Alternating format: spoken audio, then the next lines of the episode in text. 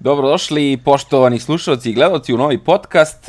Gost eh, današnje epizode ovih eh, Bici svet priča, biciklističkih priča kroz svet je čovjek iz Sombora, čovjek koji vodi S-Team Sombor i koji je celu priču osmislio i koji, kako on kaže, pomogao Veljku Stojniću da bude tu gde jeste sada, a ima sjajnih klinaca koji tek treba da prestignu Veljka. To je Marko Sudarić. Dobrodošao Marko u ovu našu epizodu.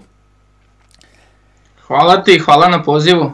A, poziv, Sasmija. e, poziv je, vidi, ti si sad ovako malo novija garda, a mi smo krenuli priče o staroj onoj gardi kad sam ja vozio, a poziv, tu si sad ovako preko reda, što bi se reklo, zato što je dosta slušalaca i gledalaca pisalo, ej, hoćemo da čujemo Marka, hoćemo da čujemo kako on to radi, hoćemo i mi da prepišemo njegov sistem rada za naše klubove, ali nije to tako jednostavno. Ono. Tako da ti se uklapaš, uh, rekao bih, u onu priču koju smo slušali kad je Vaso bio tu, Božja misija, ona ti si jedan od, još jedan od onih koji živi biciklizam i koji vodi tu Božju misiju u, u svom klubu. Ali, hajde sad, da krenemo, prvo ti si vozio nekada, i ne samo si vozio, nego se bavi drugim sportovima i to sad sve implementiraš kroz, kroz svoju decu koja izlazi iz tvog kluba. Pa reci nam kako si počeo, odakle, odakle ljubav, odakle, gde, odakle prvi bajs, to je uvek zanimljiva tema, pogotovo kod nas. Pa, ja sam sa deseta godina krenuo treniram plivanje.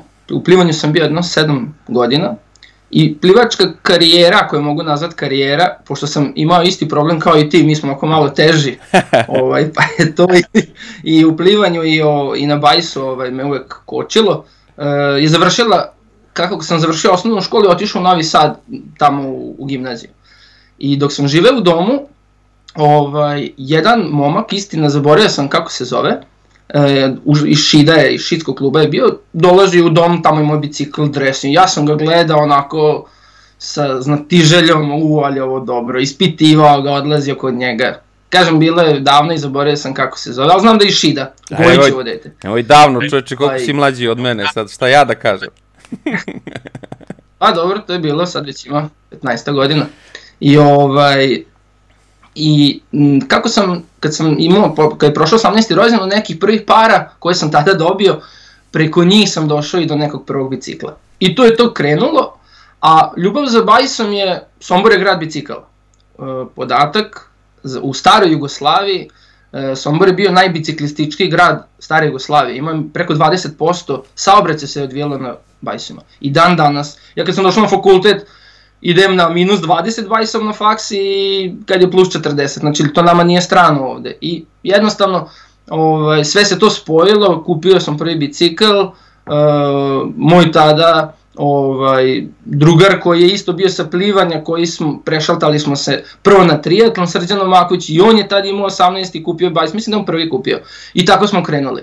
Da bi te iste godine, 2005. ovaj, jedan biciklista iz Zadra koji je došao ovaj, u Sombor da živi 90-ih, me pozvao, ajde dođi, dođite obojica i tako smo mi 2005. u jesen krenuli.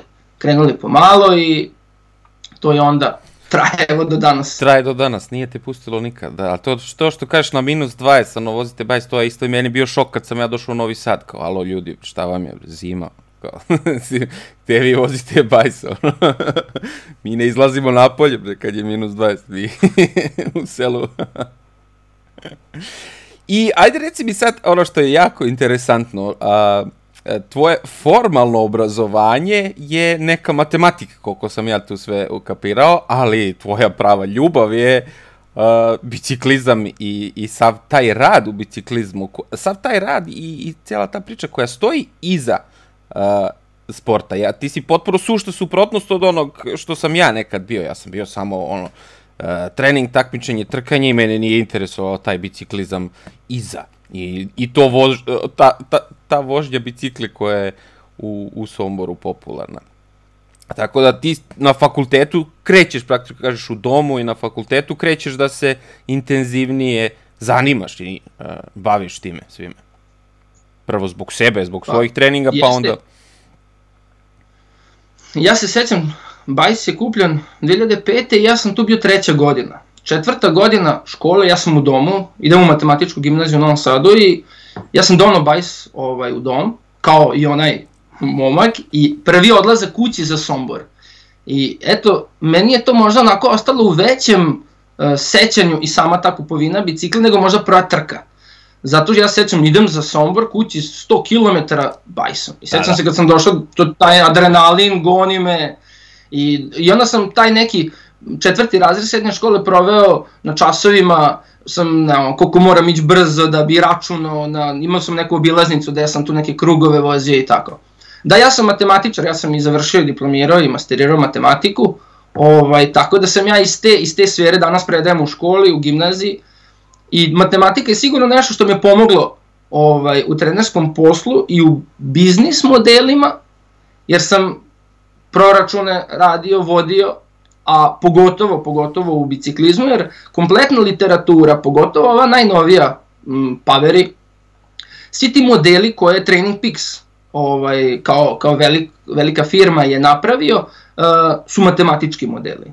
I na početku dok nisam recimo imao para 2015. da kupim onaj njihov program od 150-200 eura, uh, onaj VKO+, ja sam zapravo sam modelirao u Excelu to što su oni tamo objasnili formulu kako oni rade. Tako da je Stojnic za EU 2015. Uh, iz mog Excela pravljeno kad je odmoran, kad je umoran, kako grafikon ide i, i imam ga i dan danas ovaj. Tako da matematika je svakako nešto što mi je puno pomoglo da, da brže shvatim neke stvari i da, i da brže uh, dođem do onoga što je meni trebalo. Mm. Da, matematika je sad osnova svega, praktično tu, ono, računanje, težina, to je sve. Ali ajde da ne skačemo odmah na, na, na to, nego reci nam o onom timu koji ste vi imali, za koji ste vozili u, u Somboru. Pričaj nam prvo malo tvoju karijeru, pa ćemo onda da skočimo na, na ove klince. Ono, I tvoje pa, prve ja treninge sam, i trke i kako znači, si učio. Mi smo dve, 2006. mislim da sam ja vozio prvu trku. Ja sam zapravo Somborac i svi mi Somborci smo vozili u Apatinskom klubu. Tada je taj Apatinski klub, ovaj, Robert Marton ili poznati Đani, on je vodio taj klub i jednostavno ovaj, a onaj čovjek što sam rekao iz Zadra Branko Korolo, Korolija, on nas je pozvao i tu su bila dvojica ljudi u, u, u ekipi ili oko ekipe, jedan je bio više trenerski nastrojen dok je, bio, dok je Đan je bio menadžer ili sportski direktor. I ja sam tu proveo do 2010. Ovaj, svoje neko takmičarsko vreme u tom klubu.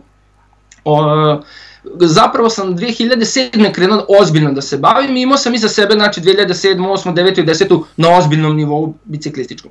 Genetika mi nije baš bila sjajna za bajs, ja sam izvukao maksimum, čak u Mađarskoj na Pečurskom kupu imam jednu pobedu, na kupu Srbije mislim da sam najbolje bio peti recimo, brdo su uvek bila problem, ali to su negde i godine gde je srpski biciklizam bio jako senjorski kvalitetan, gde je mnogo bilo ovaj dobri biciklista, Stević, Jovanović, Žol, Tesko, e, pa onda ona mlađa ekipa, znam u to vreme bio dobar Niš, e, tamo su bili Prokić, Dukić, Spasić, pa onda su e, kod Banet u Partizanu je stasavala ona juniorska generacija, u Čačku je bio Zekavica, a vamo su bili Kozomora, iz Loznice ona ekipa i tako da baš je bilo, baš su bili dobri ba, baš je bilo onako vreme kad se, kad se moglo trkati. S druge strane, tu su bile prave trke. Klasik Beograd, Čačak, ne znam, meni ta trka onako je baš možda i najbolja koju sam ikad vozio i najlepša, onako činjenica ti ideš iz Beograda u Čačak kad nekom pričaš, pa s nekako jedno, dva, tri puta nas uvatila i kiša, led, jedno sam po ledu, kad smo prešli ovaj, rudnik, led, znači baš je onako bilo i To su godine... Tako da, žao mi je, što, žao mi je, e, žalim za tim vremenom što nema više takvih trka, nema trka. Sad smo nekako kružne trke s policijom problemi. Vidim ja da to nije samo kod nas, to je, to je svuda. Da, da, svuda je to. I imao sam sreću što sam, imao sam sreću što sam, što sam ovaj, bio tu sa Đanjem i moram, Đan je bio opet daj, neki sportski direktor, dok sam ja Branka, uh, Branko mi je bio trener. Ja sam sam tražio da mi pomogne, prve godine, te 2007. sam sam nekako trenirao, međutim vidio sam da to prevazilazi moje neko znanje isplivanja koje sam imao, kako to funkcioniše i ja sam onda njega angažovao, ajmo reći, Branko, da mi pomogneš. I ta dva čoveka su i ključno, verovatno, zašto se ima toliko dugo ostao u biciklizmu, oni su zapravo pravi ljubitelji, zaljubljenici, oni žive, vole to. I dan danas i već su u biciklizmu decenijama i preneli su na sve nas to. Od Janja sam uzeo taj neki biznis model, ovaj, ka, on je svaki dinar gledao gde, gde gledao da rasporedi. Nismo imali mnogo, ali je baš onako trudio se da nam to nekako zajedno, i non smo zajedno učestvovali u celoj priči, prego, on, kako, kako da unapredimo nešto, dok je Branko bio taj neko koji je bio zadužen za moj trening i koga sam opet sedio milionskim pitanjima ovaj, kako, zašto Branko sad radimo ovaj interval, zašto, inače ja sam poznat po svojim pitanjima, verovatno, i dan danas pitam ovaj, mnoge ljude, ovaj, pre, pre svega iz biciklizma. Tako da njih dvojica su onako bili ključ, a bili su tu naravno Srđan Maković kojim sam kasnije osnovao klub, a i Dejan Vidaković koji nama tu tada bio najbolji član kluba i svi smo mi nekako živeli to, voleli to i znam, nedeljom, nedelja kad nema trka kod nas, mi smo imali trening trku, prepodne, ali popodne onda bilo, gledalo se Eurosport i trke napolju. Trke napolju, a čekaj reci mi, tu je, uh, to su godine kad je i Marko Vuleta Đukanov vozio kod vas tu, je li tako bilo? Ili je on kasnije tako malo došao? Marko Vulet... On je naš prvi Jeste, dizajner, smo... prvi bici svet dizajner. ovaj, mislim da smo, ja sad ne sjećam se tačno godine, mislim 2008. mi smo uspeli da dobijemo Đani i, i Vuleta su nekako sredili iz Tajvana token točkove. Sećam se Dobili toga. smo jedno 15 pari točkova i ovaj, to je možda bila, čini mi se, i najozbiljnija godina. Mislim da 2008. mi smo bili treći tim seniorski u Srbiji tada. Mislim, na jednom amaterskom nivou smo, bili smo amateri, zaljubljenici i uspeli smo da budemo treći u državi. Što mislim da je tada bilo mnogo teže nego danas. A ovaj, svakako bio je Vuleta i došao je Steva Klisurić iz Šida, se priključio ekipi i znači Vidaković, Omaković, ja i njih dvojica, to je negde bilo i, i ovaj Manči kolega ovaj Manuel Prenka pa on je bio on je bio s nama. Znači naše storice smo bili zapravo ekipa. Vi ste bili jako ozbiljni tad, sećam se, i što kažeš ono, kad ste dobili te token točkove, kad ste se kompletirali sa, sa, svo, sa svom opremom, ili ste ono ozbiljno strašni kad se pojavite na trci, tako svi, uh, svi utrenirani. A ja se sećam, uh, baš tih, uh, tih, tog perioda što ti pričaš, što su kako kažeš, prave trke bile, zašto su bile prave trke? Zato što su dolazili svi jaki timovi iz okruženja i dolazile Perutnina tu je bila tu uh, tada širila praktično svoj uh, njihova, njihov sponsor je širio svoje tržište tu kod nas i oni su na svim tim trkama o kojima ti pričaš uh, bili kod nas i to su bili sjajni momci koje Perutnina se 2008. raspala i onda su oni mahom svi otišli u profesionalce jer nisu imali gde. I sećam se da su dolazili tu kod nas na trku i onda sam ja posle čačkao rezultate i uh, vi ste bili kao AS team uh, uh, AS team i onda je vaša skraćenica u onim rezultatima bila kao uh, AS te, valjda, tako nešto, ali to je automatski povlačilo u skripti ovih rezultata kao Aqua Sapone. I onda znam da ste svi jedan put u rezultatima izašli kao Aqua Sapone, da ste bili profesionalci, ono, klikneš Aqua Sapone i onda tamo ideš, gledaš tamo da je vozio Čipole ili koji je Mikoljević, ko je sve bio kod njih, tako to, toga se sećam, baš, baš zbog toga što su, što kažeš, stvarno jake trke bile tih, eh, tih godina i Imali ste žestoku konkurenciju, ono, pravi, pravi biciklizam na svetskom nivou. Mnogo tih ljudi je prestalo da vozi. Jedino Klisurić i dan danas. Ja se sećam, recimo, vozi. Ja se sećam 2009. čini mi se, 2009. trka kroz Vojvodinu, došli su Loborika, bio je Đurasek tada, mi svi znamo da je Đurak se došao kasnije. Znači oni su, Perutnina, sećam se, ovaj, i I bili su i Slovaci, slovačka reprezentacija, ili Sagan je vozio. Da, da. Tada. I ovaj, sećam se da smo, prva etapa je nešto bila Pećinci. Znam, njih, njih 17 je izašlo, napravilo ovaj, dijagonalu na bočnom vetru, Vrabac jedini mislim da je ostao ovaj, to je bilo to. E, s njima i, i, i to je bilo to. Oni su nas prekinuli. Sad, ko je sad tu bio od ovih starih, da li sam dobru godinu pogodio, ali ja se sećam, puklo je njih 17, samo jedan naš je ostao od njih 17 i, i to, je, to je bilo to. I oni su Tako se trkali da, dalje. Ovaj, Da, znači, bili, znači eto kažem, Sagan je tu bio, uh, Đurasek je tu bio, e sad od ovih, ja sam tad nisam još bio upoznat toliko sa imenima ovaj, ljudi koji su tada bili dobri u okruženju, a sem naših. To je jedno što sam znao, tako da, možda je sigurno tu bilo još vozača koji su danas završavaju karijere, da, koji da, su dobri. Mugerli, bio je Mugerli, uh, bio je i uh, Mugerli i Đurasek od ovih dobrih, Mugerli vozi dan danas u nekom austrijskom timu, znači koliko već prošlo godine od ta desetak, i bio i Rogina, čini mi se, i ovi svi što ono, dan danas da, voze tamo po, sigurno. po Sloveniji, jer, e, ba, kažem, baš i to je bila taj period kad je njima bilo važno da se njihov sponsor pojavi ovde i da naravno pobede. I to su bili ti Svakako. trkački dani, rekao si, pomenuo si koji su tu rezultati bili, E, ajde sada da krenemo na tu tranziciju od, to, od tih trkačkih vaših dana, to mi je bilo interesantno da ispričate sveže je, onako, pre 10 godina, za razliku od ovih priča s kojima, koje ja pričam sa drugim ljudima koji su pre 20-30 godina. Pa tranzit... Tranzicija sad... Tranzicija je bila... Tranzicija je bila ta što smo, što sam se ja već, znači to su moje godine na fakultetu i ja sam Đani ugovorio, Đani treba nam više para, moramo nabaviti uh, trebali nam sponzore. I Omaković ja jedno leto krećemo u akciju prikupljanja sponzora u Somboru. Međutim, nisu teli ljudi iz Sombora da daju zapatinski klub. Njima to nije bilo logično.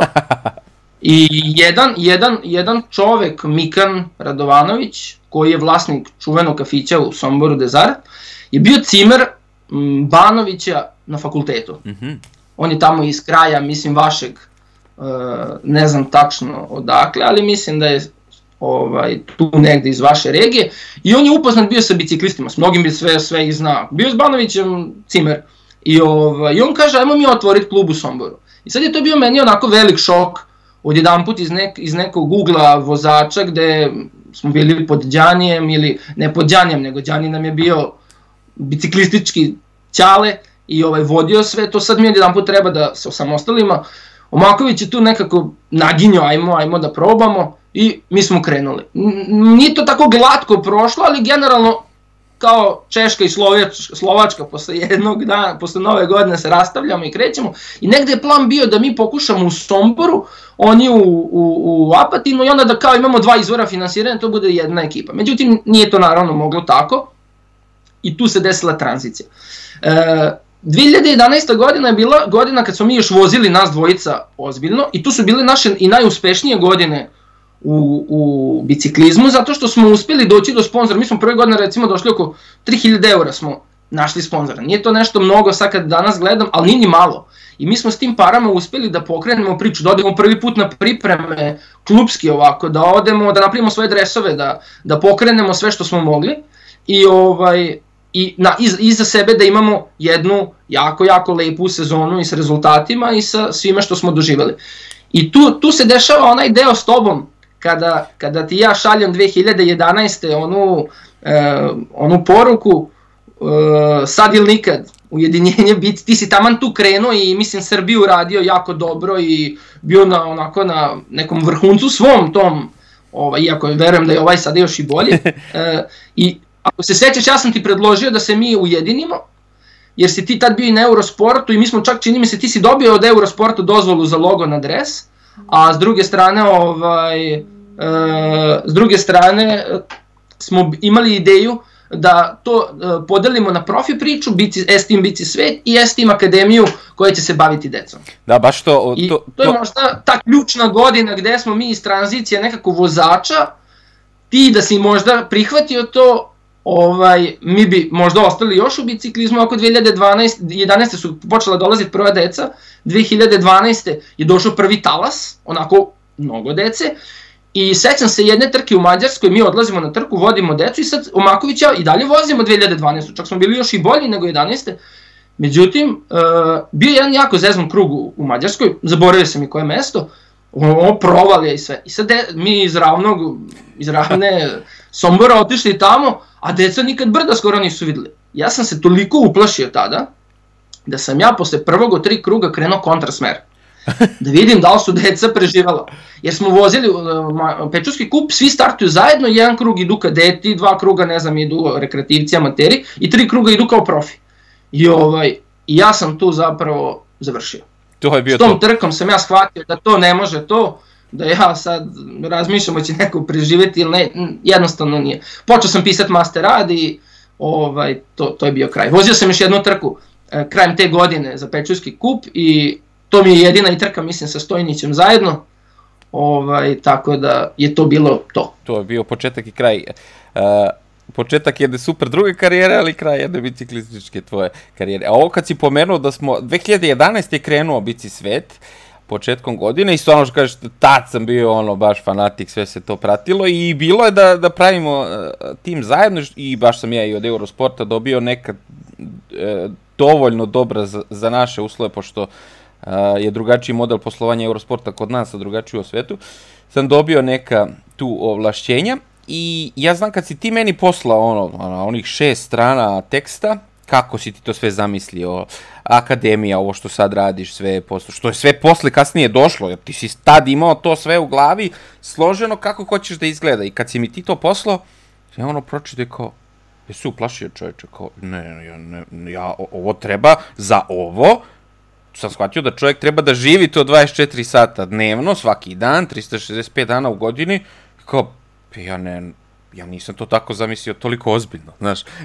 Ali nema, ne, ne može drugačije, to je ona, Vaso što kaže, bo, božja misija, to je to, ako hoćeš, to je to.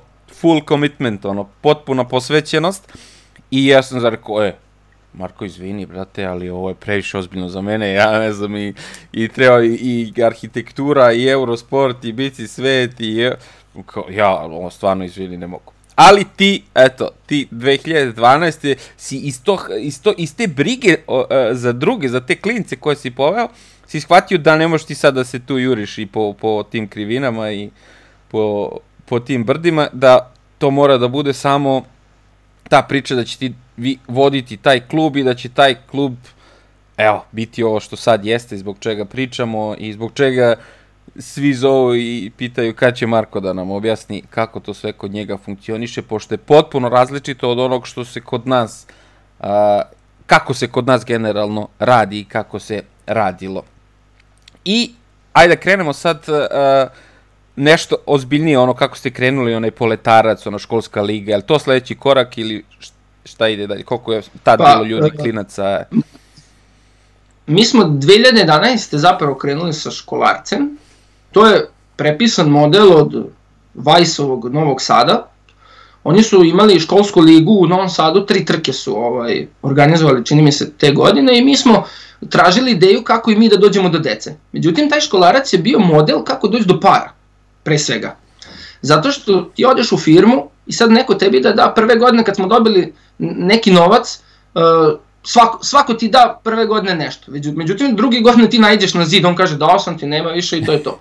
Znači, ja sam već tada znao, mi, mi smo znali da, da moramo nešto da osmislimo ovaj što će biti interesantno ne na jednoj godini nego za više godina, da nam ljudi ovaj veruju, da vide nešto drugačije I kad tebi neko da ovaj novac, iako je biciklizam, ti nosiš dres, reklamiraš ga non stop. Nije, nije to ta reklama kao na televiziji, kao na Eurosportu, kako je svetski biciklizam.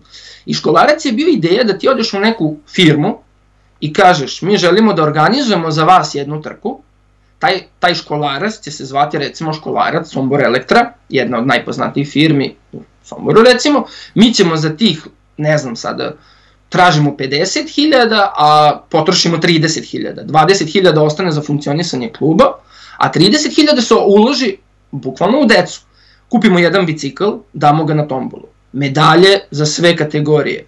E, morala je biti tombola iz razloga da, da i deca koja nisu dovoljno nadarena, koja su bucmastija, koja vole samo bajs, dobije neku svoju nagradu. Šta je tombola? A ne samo oni najbolji u medalju. Objasni nam tombolu. Tombola je ono kad izlačiš papiriće, koji je učestvovao, pa ona igra na sreću. Da, da, da, ali kako to znači, funkcioniše prija...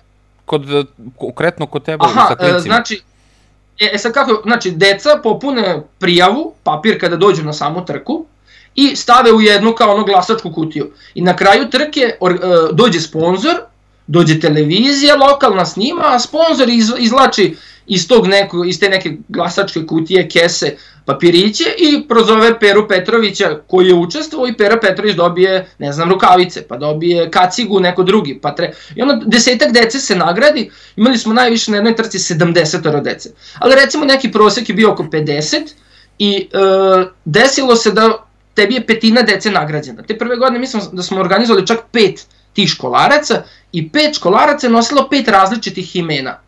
E, uradimo kompletno, ne znam, imali smo, kupili smo tada cerade, gde smo uh, lepili folije sponzora da bi mogli, opet sve što smo radili gledali smo da bude dugoročno, tu istu ceradu možemo iskoristiti narednih 10 godina i dan danas one postoje, da lepimo spon, znači dođe slo, restoran Slon je tada bio, pekara Gornja Varoš, Sombor Elektro i svako imao svog svoj školarec i onda je taj sponsor video da, da smo mi to dali deci. Znači mi smo zapravo u njegovo ime napravili nešto što se videlo i na televiziji, u novinama i na Facebooku i svuda. I svi su I bili zadovoljni. I to onda njima bilo interesantno. I svi su bili, I svi su bili zadovoljni. Tako. Svima je bilo super. I klinci... A samim tim, ta, tako je, a samim tim ta deca koja su bila dobra, nije ti trebalo da proveravaš testove, genetiku, jednostavno trka sama pokaže ko je dobar.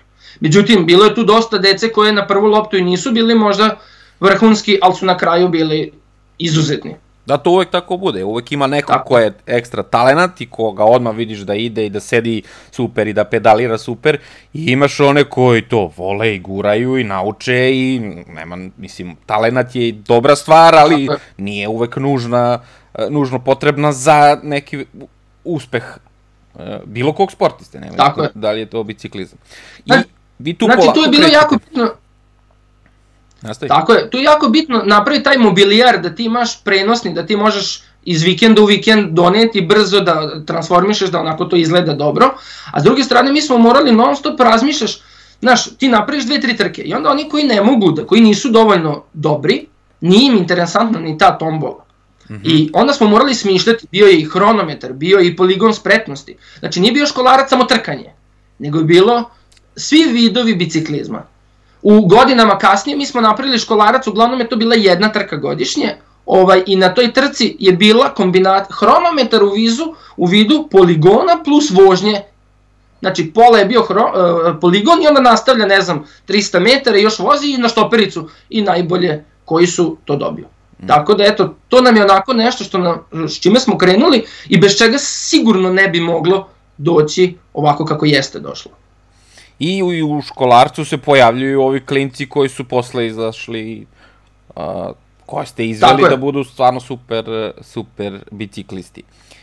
Uh, I reci mi, posle, tu, je, tu se pojavio i Veljko i sve to, to ćemo da, da, i on je to pričao u podcastu kad smo pričali o, kad smo se čuli, ono, dok je bio još u, na onoj trci dole u pustinji, to je pričao da je on preko te školske lige došao, došao tu. Uh, I uh, uh, objasni mi sad tu tranziciju iz tog školarca na uh, kasniji biznis model, gde ti sad u stvari, koliko sam ja razumeo, ti iznajmljuješ opremu toj deci i to je neki vid troškova koji pokriva funkcionisanje kluba, jer roditelji plaćaju za to i ono što je i Ljujić pričao, nije fair da se u ovom sportu plaća toliko, a ne dobija se praktično ništa, a biciklizam toliko toga opreme mora da da, koja je tekako skupa, a praktično nije bilo plaćanja. Je tako je od uvek bilo kod nas biciklizam, je baš valjda zbog toga što je težak bio, bio uvek nekako, ajde daj klincima bez, bez neke članarine. Pa, ja dok sam bio u plivanju, mi smo imali članarinu. I kad sam došao u biciklizam, meni je to bilo nepojmljivo da, da ne postoji članarina. Da. Pogotovo što u plivanju imaš kupaći, naočare, tada, i, i bazen dobijaš od, od grada. A ti si ovde em na, napolje, na atmos, nemaš, napolju si, trošiš resurse, bicikl koji uopšte nije jeftin i još neko radi s tobom i sada to bude besplatno. I uh, dok smo bili kod Đanje još smo shvatili da, da jednostavno sistem koji je tada bio u Srbiji je nemoguć, neodrživ. Jer nama je bilo potrebno da, da napravimo održiv sistem koji će se donekle samostalno finansirati. Jer ako ti zavisiš od sponzora, ako zavisiš od politike, ako zavisiš od grada, onda to nije, nije dovoljno sigurno, bezbedno i ne možeš raditi nikakve projekcije na osnovu toga. E sad, taj školarac 2011. doveo je prvu decu u klub i ne znam, mi smo imali dvoje, troje ovaj, klinaca i sećam se, roditelj dolazi i pita koliko košta da moje dete trenira biciklizam. I sad ti njemu nabrojiš 200 evra, ona naj, naj jeftiniji bicikl. Sprinterice, dres, kaciga, sve. I dolazimo do cifre do nekih minimum 300 evra koje je potrebno da dete, ovaj, roditelj da uloži u svoje dete. I onda kaže roditelj, pa ja bi to platio, ali šta ću ako mi dete odustane za mesec dana? Jel nije isto ovo trkanje kilometri, nije isto kad ti treniraš non stop. I onda smo mi shvatili da moramo da na glavačke okrenemo sistem i da mi damo bicikl, dresove, sve što treba za odre u rentu. Znači, rentiraš bajs za 1000 dinara, 500 dinara, 700 dinara, e, rentiraš dres, printerice, kacigu, sve što ide od opreme i onda dobijaš to da roditelj plati recimo plus trening, e, plati 2000 dinara mesečno, a za mesec dana ako mu dete odustane izgubio samo 2000 dinara. Ako dete ostane tu par meseci i kaže da, da, to je to, ja želim svoj, bajs i opremu, ti onda jednostavno roditelj nije previše rizikovo i sigur, sa sigur, većom sigurnošću kreće da ulaže u svoje dete i da krene. I mi jednostavno to, to je tako od 2011. Da ne govorim da sad ta dva deteta prva koja su krenula, e, ja ih moram pomenuti, Andrej Hernaus i Nebojša Bogdanović, oni jednostavno, skroz tu njihovu, njihovu članarinu, nije to bilo, nisu to bile pare koje smo mi stavili u džep i evo sad smo mi bogati za tih 4000 dinara.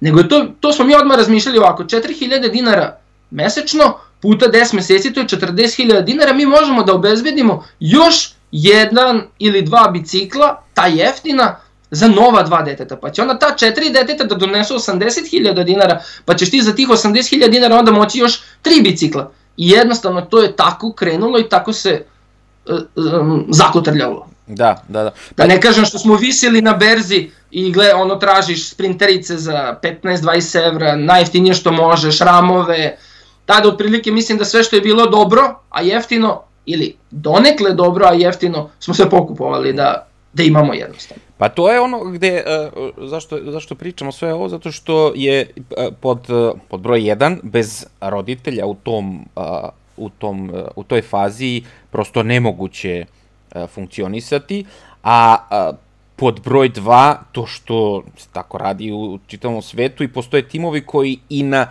većim stepenicama a, funkcionišu tako. Znači ima timova koji su za vozače do 23 godine koji dan danas funkcionišu tako. Ja sam baš slušao jedan model, mislim da je ovaj James, James Knox došao iz tog e, modela, koji dečko Britanac, koji vozi sad u Quick Step timu, da je u Britaniji par Italijana koji to voli, koji su videli da ima ljudi koji uh, žele da njihova deca voze, ali jednostavno ne mogu kroz, da dođu kroz program koji tamo u Britaniji ima država, da su napravili taj biznis model, ej ljudi imate ovaj, uh, ovaj uh, ovoliko troškova, toliko košta da vaše dete ide na najbolje trke na svetu, da bude u uh, dete sad, to je već senior ozbiljan, evo Pogi pobedio sa 20 godina, pobedio Tour de France. Uh, znači da vaš sin uh, sportista, ozbiljan sportista se takmiči uh, van uh, programa Britanije i da se takmiči sa najboljim vršnjacima iz čitavog sveta. Iako on može to sve da izgura da, da, da, da uh, podrži njegov uh, organizam i psihički i fizički, on će postati najbolji sportista, biciklista na svetu. Tako da, uh, je to nešto što se vi ovako sami praktično došli do toga. Ti nisi prepisivao to od tih Engleza, prepisivao si neke matematičke formule, ali nisi taj biznis, eh, biznis model. I, I zato je to jako važno, jer ja znam kad sam ja bio, nemam ništa, meni prvo isto bio šok, kao ništa ne plaćam, čovječe, dobijam bajs i vozim, ko ludilo, ej, znaš, ono, kao, i ono, svi se sećamo tih prvih 100 km, znaš, ono, to ti je neko, ono, ja sam išao do Ivanjice 100 km, kao i svi, ko ja, išao si čak tamo, znaš, ono, mislim sad juniori voze više od 100 km svaku trku i prave prosek neki nenormalan. Mm.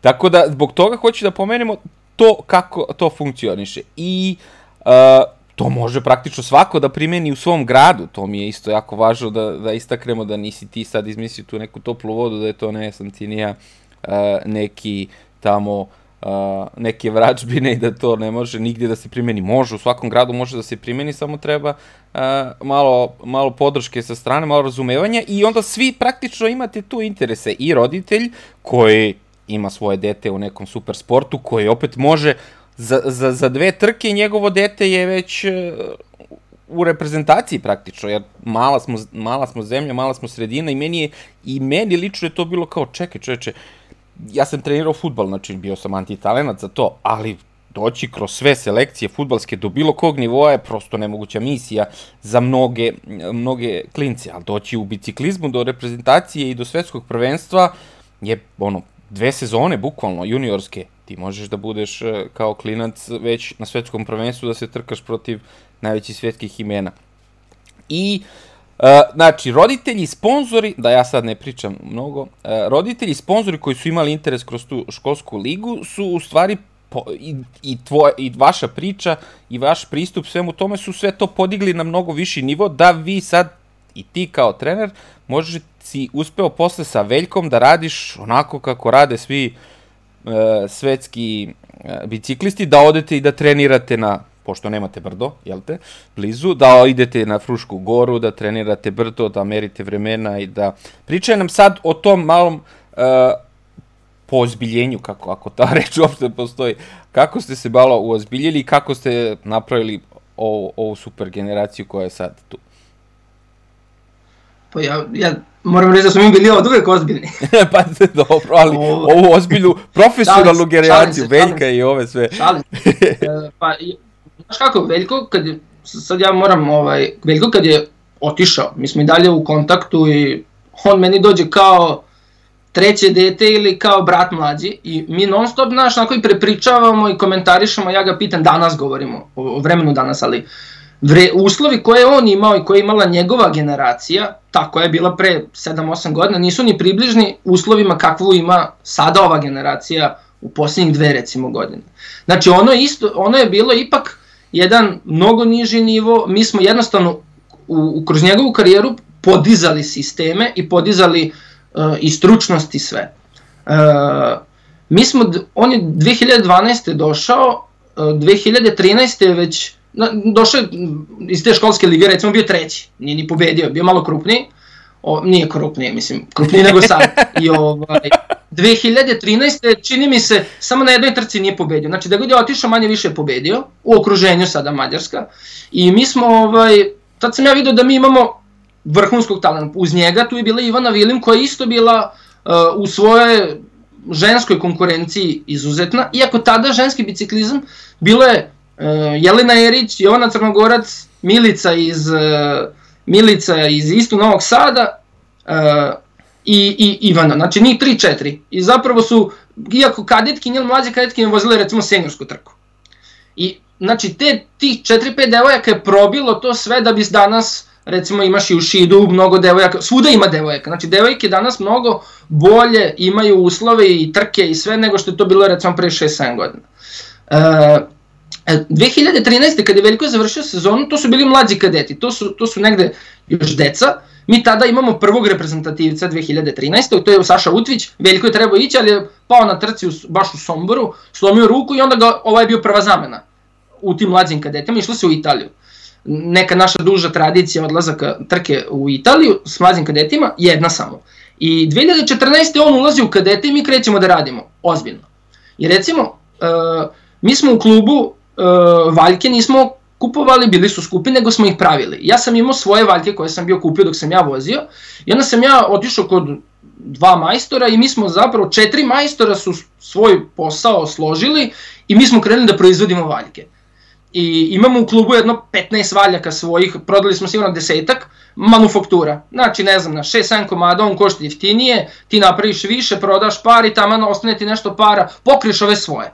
I non stop je u klubu to tako išlo. Znači ti radiš malo više, ostaviš deo za klub, deo za prodaš i, i, i, i tako dalje. I recimo ti valjci, ja sam prva tri valjka prodao za Power. Za prvi Power ovaj, koji je Veljko vozio.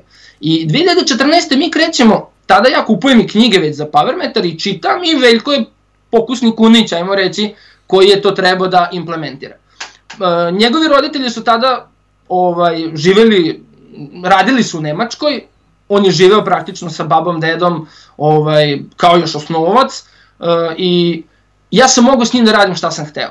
U, u stvari imao sam to poverenje ovaj, i imao sam njega samog, znaš, nije ono bilo, sine, moraš raditi ovo, moraš raditi ovo, ne, on je živeo samo bajs. Samo bajs, škola i, i to je bilo to. I mi smo 2014. krenuli da podigli, podigli smo nivo ozbiljnosti još, bilo je tu naravno još dece, Aleksa Kozoderović, ovaj, koji su bili zaista kvalitetni i to je bila zdrava, jako zdrava grupa ljudi koji su vol, i pre svega ta deca su volela biciklizam. Nisu to bili neki vrhunski uslovi, ali polako smo podizali. Ja znam, recimo, priče da deca su tada videli da nemaju možda dobre točkove, da neki drugi imaju bolje točkove i oni su štedili džeparac da bi oni, ne znam, kupili bolje točkove, deca od, ne znam, u osnovnoj školi. I mi smo, znači, proizveli tu neku ljubav uh, kod njih da, da i oni sami se, recimo, i odlaze u školu, ne jedu užinu, čuvaju ti 100 dinara, pa računa 30 dana škole, to mu je, ne znam, četvrtina. Znači, preneli smo to neko razmišljanje i na malu decu. I 2014. Uh, Veljko, recimo, na kupu Srbije nije mogo da uđe nijednom na postolje, ali je pobedio državno prvenstvo, do šest ljudi je bilo u begu, pobedi državno, i te godine Balkanijada, poplave u Bugarskoj, odloži se za oktobar, sa, ne znam, jula na oktobar. Meni je kamp uh, u avgustu mesecu bio u Borkovcu, bio sam sa Pavlovićem i I sad, mene najveće pitanje je bilo koliko to ja treba da radim s jednim kadetom, da ga ne Ja znam da ja mogu da znam, dam njemu puno kilometara, da li je to 10.000, 12.000, 9.000, koliko to intervala, kako mi to da uradimo, da iz godine u godinu podižemo. Ja sam znao ono zlatno pravilo 10% kod decila, kompletna svetska literatura koja nema puno, je pisana za seniora, a ne za dete. Da, da. I ja sam tad, Pavlović je, tad, mi smo, oni su išli na Radio Gen Tour trka u Češkoj, o, o izvinjavam se, u Austriji, I ja sam vidio da je on, on je njih tada onako poprilično iscedio, treninzi bili dosta teški. I ja sam vidio da ja to zapravo jako mekano, Aha. mekano radim, da to može i više. A ovaj, i taj Radio Game Tour je onako bio jedan ključan moment. On je otišao, uh, vozio non stop iza grupe, plašio se grupe, bila kiša, imali smo neke loše gume, uh, ja sećam, Banović i Peričić su išli tada s decom i oni su rekli, ovaj je mašina, ali ovaj, ovaj ne znam da vozi, ovaj vozi 10 metara iza svih. I tada, ovaj, ja krećem, ovaj, tada je i drugi talas dece, ovi koji danas ovaj, su jako dobri, došao i mi smo zapravo treninge počeli da menjamo njegovim potrebama, ali zapravo njegove potrebe su bile potrebe svakog mladog, malog deteta koji ulazi u biciklizam. Znači, odnesem ih na hipodrom, njih 20, stavim četvoro u redu i on bude u sredini, da bi on vozi između u dva, ovaj, 20 ljudi. Tada krećemo 2014. na trke napolje, mi smo recimo na 350 km od uh, istočnog dela Slovenije ili ne znam 500 km od Ljubljane i mi krećemo na trke i u Sloveniju, i u Hrvatsku, i u Mađarsku i kroz te trke ja vidim da će on napredovat zato što, zato što jednostavno veća je grupa, kod nas je pronašto, ne znam, 20-30 dece, a tamo je bilo 70 dece. I skroz drugu dimenziju dobijaš brzinu i sve. I posle tog kampa, ovaj, me, ja sam onako progledao i vidio da to može dete da se troši više. Naravno, s njim je već tada, već s tom generacijom je tada krenula da se rade jako ozbiljno, u smislu smo pazili već i na ishranu pomalo, eh, o oporavku smo jako mnogo pričali, radili, eh, opremu smo unapređivali, da je on tada 2014. u oktobru, znači eto tih 3-4 meseca tih nekih stvari koje smo posložili, uspeo da dođe do prve balkanske titule, jedne od šest uzastopnih koje je imao, pet, pet mislim uzastopnih titula da je imao kao klinac. Hmm. I eto, 2014. je bila ta onako prelomna godina gde smo podigli značajno nivo rada. I onda kad je došla ta, ta balkanska titula, uh, ja, ja sam do negde 2014. non stop kad god odem na trku, kad god odem na kamp, tad, to je prva godina kad sam ja krenuo u reprezentaciju da idem, nisam još bio selektor, 2015. postajem, uh, kad mi je upružena šansa, ja non stop pitam ljude kako da rade. Kako radite ovo, kako radite teretanu, kako... I onda malo, malo pa sam ja vidio da svako ima neku svoju politiku, da, da nema to nekog si, ključnog jednoznačnog sistema.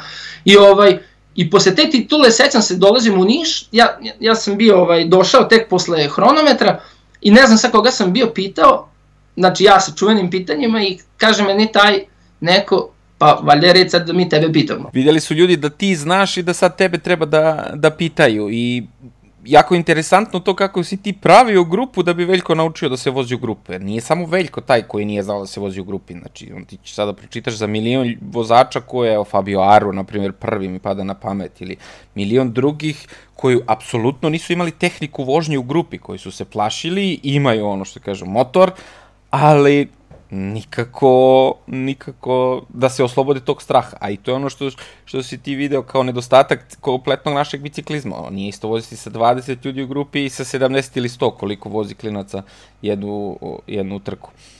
I uh, ta balkanska titula, samo nisam pohvatao i ja se već gubim ovde sa tvojim godinama, uh, Veljkova prva balkanska titula bila u kojoj kategoriji, kadeta ili juniora? Prva godina kadeta 2014. Prva godina kadeta, wow. Znači, to praktično znači da Veljskov uspeh je ono, ko, konstantna uzlazna putanja. Od te 2014. do danas nije mnogo vremena prošlo. On je prošao ko, pa. koliko kategorija, ali konstantno to ide na gore. I pričaj nam sad o tome, taj prvi power meter, rekao si, pravili ste valjke, kako ste sad, kako ste to učili i kako ste to implementirali da, I tu matematiku koju ti sad imaš u malom prstu, kako si primenjivao kroz, kroz rad, ne samo sa njim, on je sad jedan od ljudi koji je uspeo, ali super, rekao si da je bio treći, bilo je boljih ljudi tu od njega.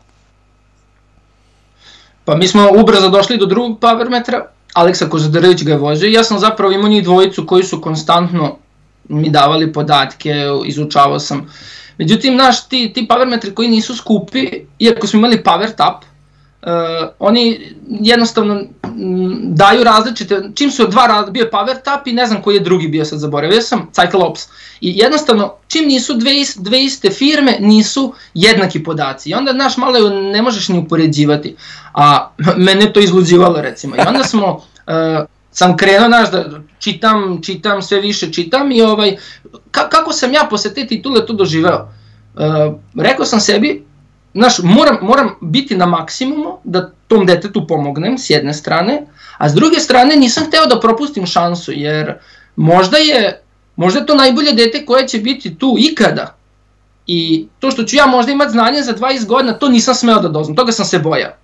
I mi smo recimo 2000, 14. godine još jedna stvar je bila zanimljiva. Tad se održavala trka sajanskih gradova u Novom Sadu.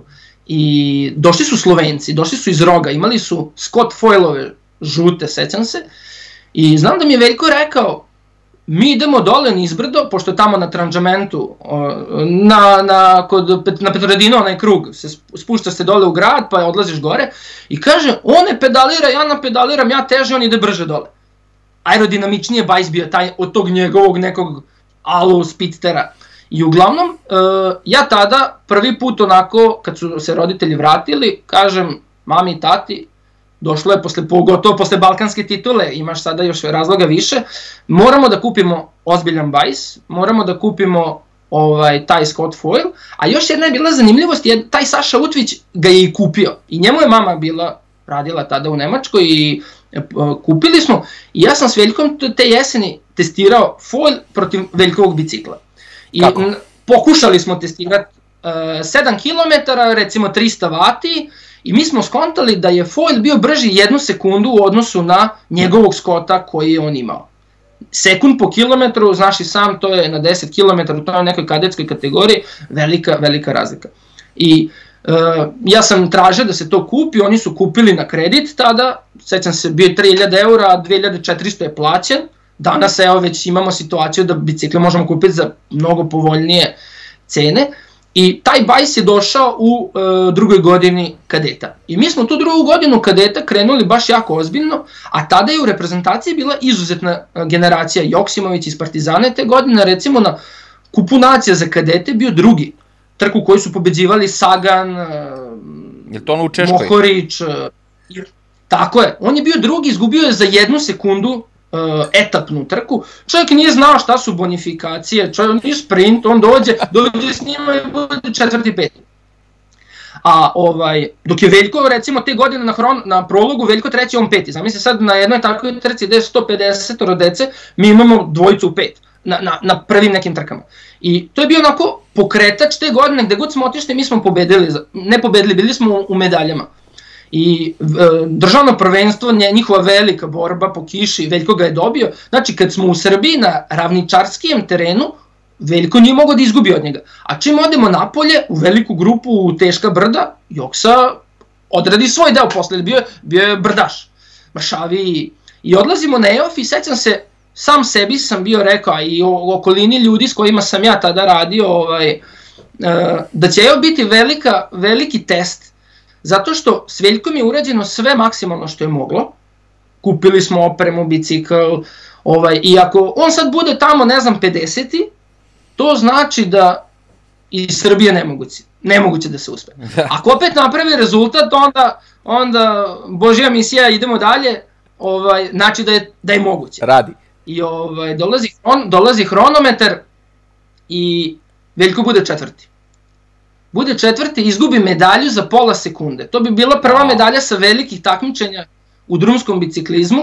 Uh, zamisli, pola sekunde srebro, 30 stotinki, bilo treće mesto na, na 10 km hronometru. On je startovo, čini mi se predzadnje, evo sad se naježio. Perčić i ja smo vodili ja. reprezentaciju te godine, prolazimo kroz cilj i sad video uh, BIM, na video BIMu imaš elektronika meri i Veljko odveze i još ga nije sortirao u rezultatima i izlazi kao četvrti. E... I sad, naravno, mi smo, nama bilo krivo što je bio ovaj, četvrti, a ne, ne znam, medalja, ali nismo ni očekivali takav rezultat, jer e, šta je potrebno da ti budeš na, u kadetima, u, recimo na medalji, on je išao 45 prosek na 16 bez, s običnim biciklom, ne hronometarski bicikl. Tako da, 30 stotinki ili 50 50 stotinki, to ti je ovaj... To je dlaka čoveče, nego Reci. koji je to broj obrtaja kad oni imaju kadeti ograničen 16 pozadi? Pa preko 110, preko 110 mora da ide. I to je vreme... Prosek, prosek. Da, da, prosek, znači on od nule kreće, znači... I to je... Tako, uh, tako, kol, koliko vremenski? Neki 13 minuta. 13 minuta, da. Neki 13 minuta. Da. Pazi, bila je tu kadencija preko 120, tako da... Znači, onako jedan rezultat koji šteta što nije bila medalja, ali jednostavno to četvrto mesto se možda vratilo tih 30 stotinki u nekom, u nekom odlasku u profijima, tako da mora se to negde pa, iznivelisati vrat. I to, onda... To vam je rekao bih ja bilo ono kao, joj, za ovih 30 stotinki ćemo da radimo još 3 godine da ih popravimo sa, sa sledećim klincima. Veljko je konstantno išao stalno dalje napred, nema, nije bilo nigde, ni u jednom trenutku stagnacije. To i ja, pazi, ja tih godina o kojima ti pričaš sam malo van biciklizma, moj život malo drugačije teče, ja nisam bio tu, bio sam jednu godinu u Rusiji, to znači tako da ja uopšte nisam Veljka ispratio, zato mi je ovo zanimljivo. Ja se uh, sa, ve, uh, sa njegovom karijerom srećem tek kad on završava juniore i odlazi u gde je otišao prvo u ovaj uh, UCF centar ili kod Italijana i kao ček, znaš, što se mene tiče, on je kao, kao sa Marsa pao, kao, dakle ovaj čovjek, a je on, aha, Sombor, e, okej, okay sve jasno. znamo, znamo, znamo šta je, e, znamo koja je matematika tu iza Veljka. I Uh, nastavi, nastavi dalje, samo sam ja htio ovo da, da, da dodam koja je to brzina, okretaje pedale, konstantno, znači za kadete da znaju ljudi da je to to, brate. Mora da vrtiš kao Singer mašina da bi to bilo to. I ne mogu to svi, ni svi kadeti na svetu, ne samo Veljko. To je ta četvrta medalja na...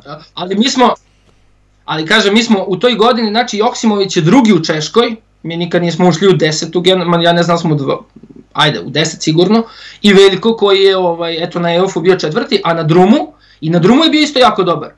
To je bila tri kruga oko jezera, 25 km krug, 75 km je bila trka, Prvi krug on negde na začelju, ja ono naš, opet ono njegovo nije baš dobro, dobro u grupi vožnja, stotinak dece je bilo, mislim stotinak kadeta, u drugom krugu on u begu, U drugom krugu on u begu sa desetoricom i taj beg je preživeo, on dolazi brdo, cilj, kilj, cilj je bio na kilometar, na, brdo je bilo kilometara dugačko ili 700 metara i recimo jedno 7%, i on je znao da on neće dobro odsprintati to, i on je u podnožju brda njima skočio. Oni su njega ulovili tipa jedno 200 metara do cilja. I on je završio deveti i drum. Tako da je tu, da je on čekao sprint, siguran sam da bi bio bolji nego deveti, ali on je tada pa, praktično deset je valjda bil, deveti sad. On je praktično dva puta ušao u deset na trci i tu je pokazao da je to mate, materijal, ajmo reći. Nisam ja tad toliko bio svestan tog rezultata koliko u nekom daljem radu, ali gledajući istorijske rezultate, koliko je to zapravo velik, velik rezultat ali, tada bio čovječe, napravljen. Ali to je 200 metara te deli od medalje, od uspeha, od, od, ono, od himne na, na postolju, čoveče. Znaš ti, znaš, ono, koliko je to za klinca u tom trenutku, uh, ne znam, kako razočarenje i šta je ono, znaš, vidiš cilj i kao hvatate te pa grupa. Nije, Dobro, mislim, pazi, on je znao, vi znali šta radite i kao, okej, okay, doći će to, i došlo je posle sve na svoje, ali mnogo njih, ne, sam, ne pričam samo o Veljko, nego mnogo njih u svetu će možda isto to istaći kao, je, 200 metara me delilo, I onda sam psihički pao, posle toga nisam mogao da se oporavim. Nebitno da li je kadet, junior ili senior. Znaš, ima, ima takvih priča, mislim, što pomenju, zato što ja slušam raznorazne sudbine e, sportista koji su uspeli i koji nisu. Znaš, i, i to mi je negde i cilj i u ovom podcastu da ispričamo naše priče i koji su ti neki ključni detalji za uspeh. I sad nastavi kako je išlo da to sve dalje i kako ste vi radili, kako si ti merio ono koliko je Veljko išao u, kad je išao u juniorima 48 prosek, ono kako si ti matematički to upoređivo, sve mi to ispričaj. Ovaj, ta trka, ta EOF je sigurno bila prekretnica, gde smo mi videli da se može, i, i njemu je sigurno bio i njemu i meni motiv da, da je to to. I te godine smo da završili Balkanjadom, opet njegova balkanska titula na hronometru, sada već je to bilo očigledno, a ovaj, dok je Joksimović pobedio drum. Znači mi smo tada imali taktiku, znali smo da će Veljka čuvati jer je hronometraš, jer na EUF-u su bili Turci, oni su tada bili jako dobri i jednostavno tu godinu smo zaokružili sigurno možda i najuspešnija kadetska godina ikada u, u srpskom biciklizmu. Uh, ja, ja se selim onda u juniorske, u junior, vodim juniorsku reprezentaciju sa Perčićem, a Veljko i generacija odlaze u juniore i u 2016. Ovaj, on već na prvom kupu nacije u Češkoj, to je inače svetski kup, na prvom hronometru je bio deveti. Znači u Češkoj je bio deveti i tu je onako već još jedna potvrda velikog rezultata. E sad, 2015. i 16. Eh, čitajući knjige ja vidim kolika je bitna pozicija kolika je bitna aerodinamika, koliko je bitno iskorišćavanje e, snage biciklista najoptimalnije i odlazimo u Sloveniju na Retul, ko, ovaj, gde pod troje četvoro dece sam vozio i oni su 100 evra koštalo ovaj, za svako dete da se to podesi i pravimo i sigurno i to nešto što je doprinelo uspesima jer smo došli do neke magične formule kako koje dete treba da vozi. Naravno svake godine to trebalo optimizovati. 2016. odlazimo sa hronometrašem i sad imam jednu zanimljivu priču kod istog tog Saša Rupnika, drugi put odlazim kod njega, mi kupujemo, ne znam, sprinterice, kaciga, hronometarska, Veljko je kuburio, trebala velika kaciga, ovaj, e, e, ne znam, pozicija na hronometrašu, sic, hronometarski sic recimo na 300 evra košta. I dobili smo mi super cene, Međutim, zafalilo nam je 200 evra, ceh je bio, ne znam, preko 1000 evra. I e, taj čovek, Saša Rupnik, ovaj, želim i ovom prilikom da mu se zahvalim, kaže on meni, ne nositi to, ti ćeš to platiti kad dođeš sledeći put. Znači ja sam dva puta video u životu čoveka i on mene šalje kući sa sicem da završimo posao, 200 evra duga. Poverenje. Mislim, ja u Srbiji u tom momentu to nisam mogao nigde dobiti, niko, niko mi nije verovao, mislim to, to kod nas nije moguće.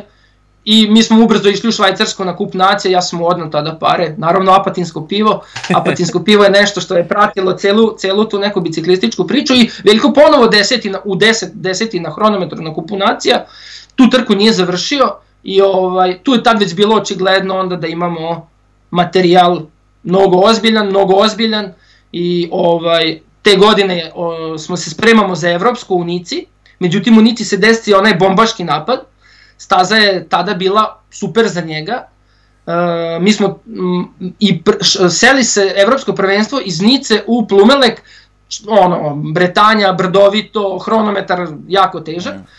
Tu krećemo da radimo, e, svetsko prvenstvo je u Kataru i u tom nekom periodu sa mlađom iz sport ofisa, sport zone, Digor, postajem onako sve, sve bolji i bolji, danas smo, da ne kažem, on, Perčić i ja najbolji drugari, ovaj, dešava se to da počinjemo sarađivati i jedan drugo, ja njemu nešto u biznisu, on meni kroz sport.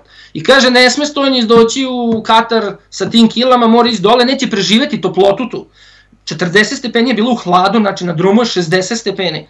I mi smo odla, otišli kod Sergeja Ostojića kod nutricioniste za trening plan, jer sam ja išao kad sam ja bio biciklista i meni je pomogao i odlazim s Veljkom i taj trening plan, tre, ishrana je bila izuzetno onako surova, teška, jako malo hrane. Da, to je. I treniramo, treniramo i ovaj, sad mi smo trenirali uh, hronometar, imali smo neke intervale, dalje bio avgust ne, ili jul, ne sjećam se, i uh, ja sam uvek dok sam s Veljkom bio na treningu, iz njegovog tela gledao koliko on može još. Znači, Power ti daje e, mogućnost da ti, ne znam, ako si išao četiri intervala 350 vati, ako to padne na 310, nema, to je kraj. On ne može više da ide i tu se staje. Ja sam video iz vati tada da on može još da gura da, na toj našoj čuvenoj obilaznici.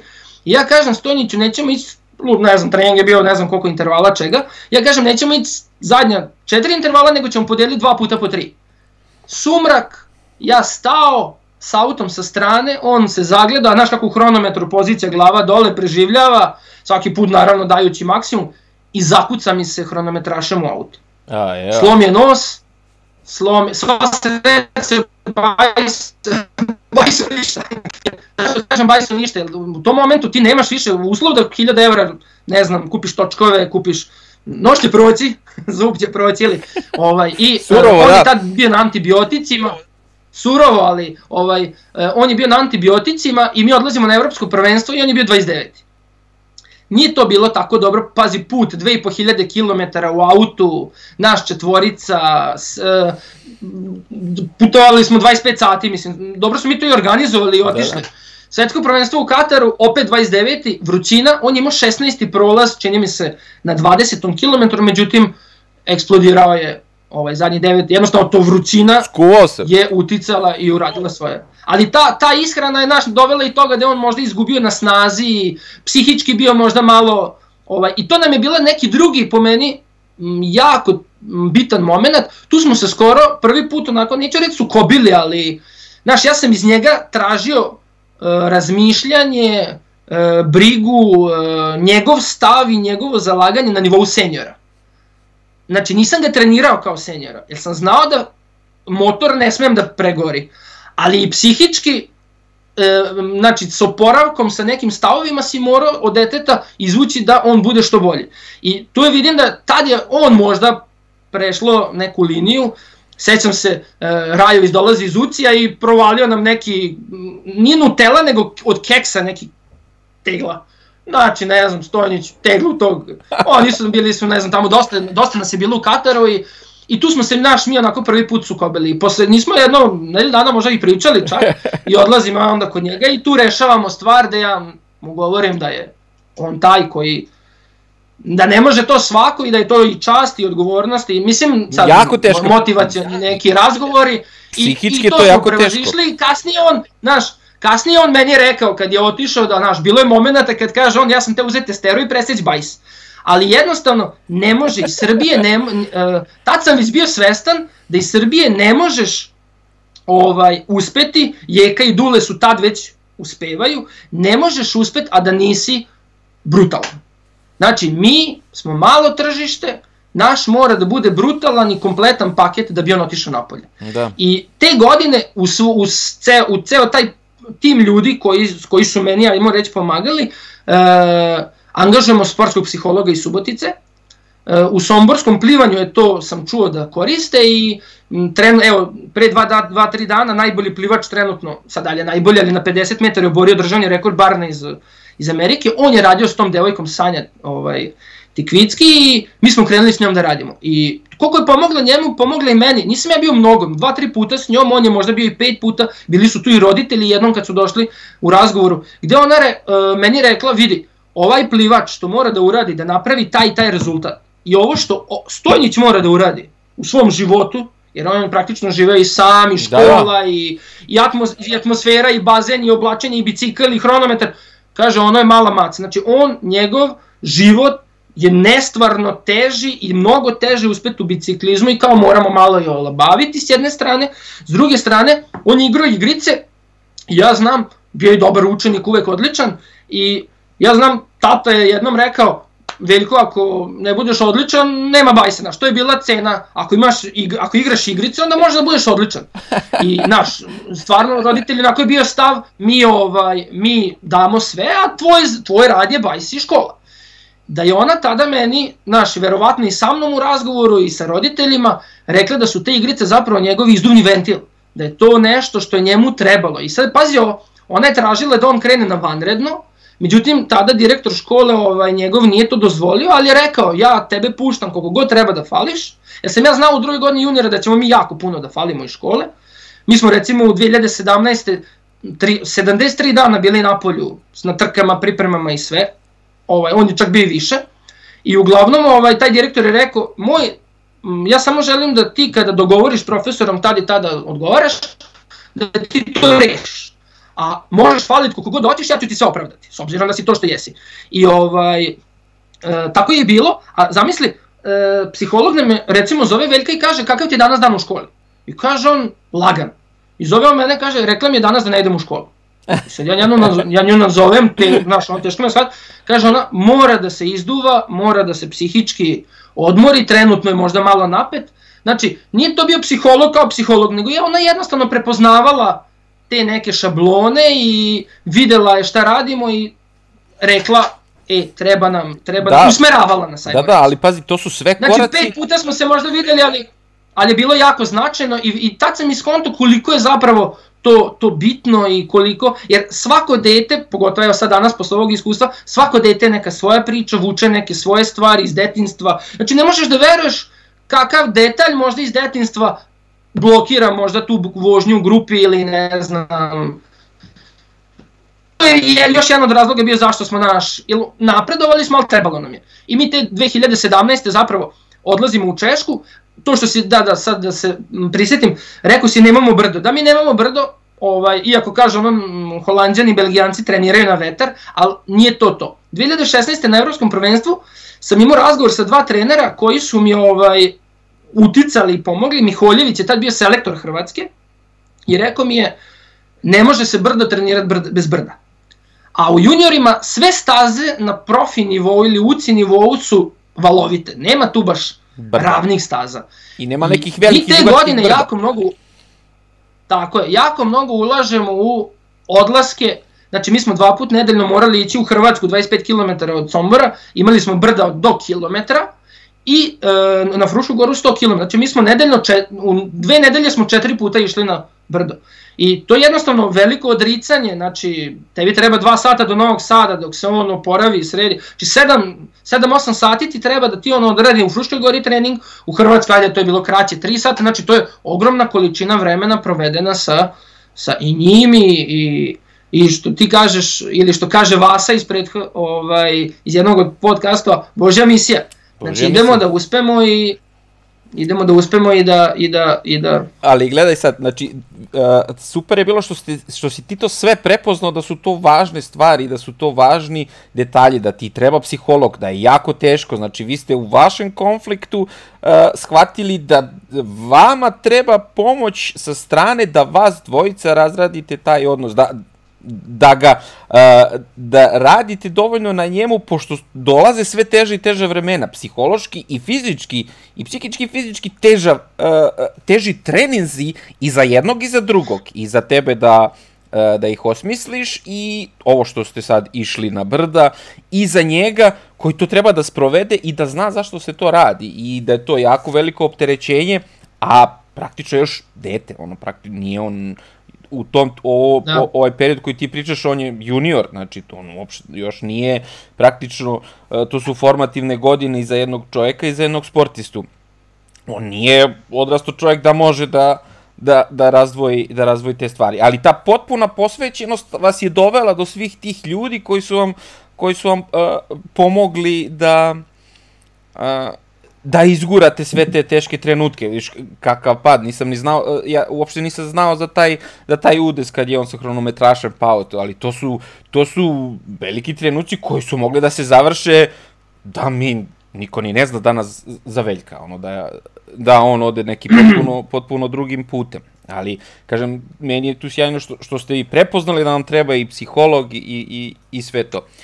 I naravno škola i sve to, doći ćemo do toga šta je sad u, u školi i to na kraju e, ste uspeli da formirate sportsko odeljenje, što je jako, pa. jako veliki uspeh.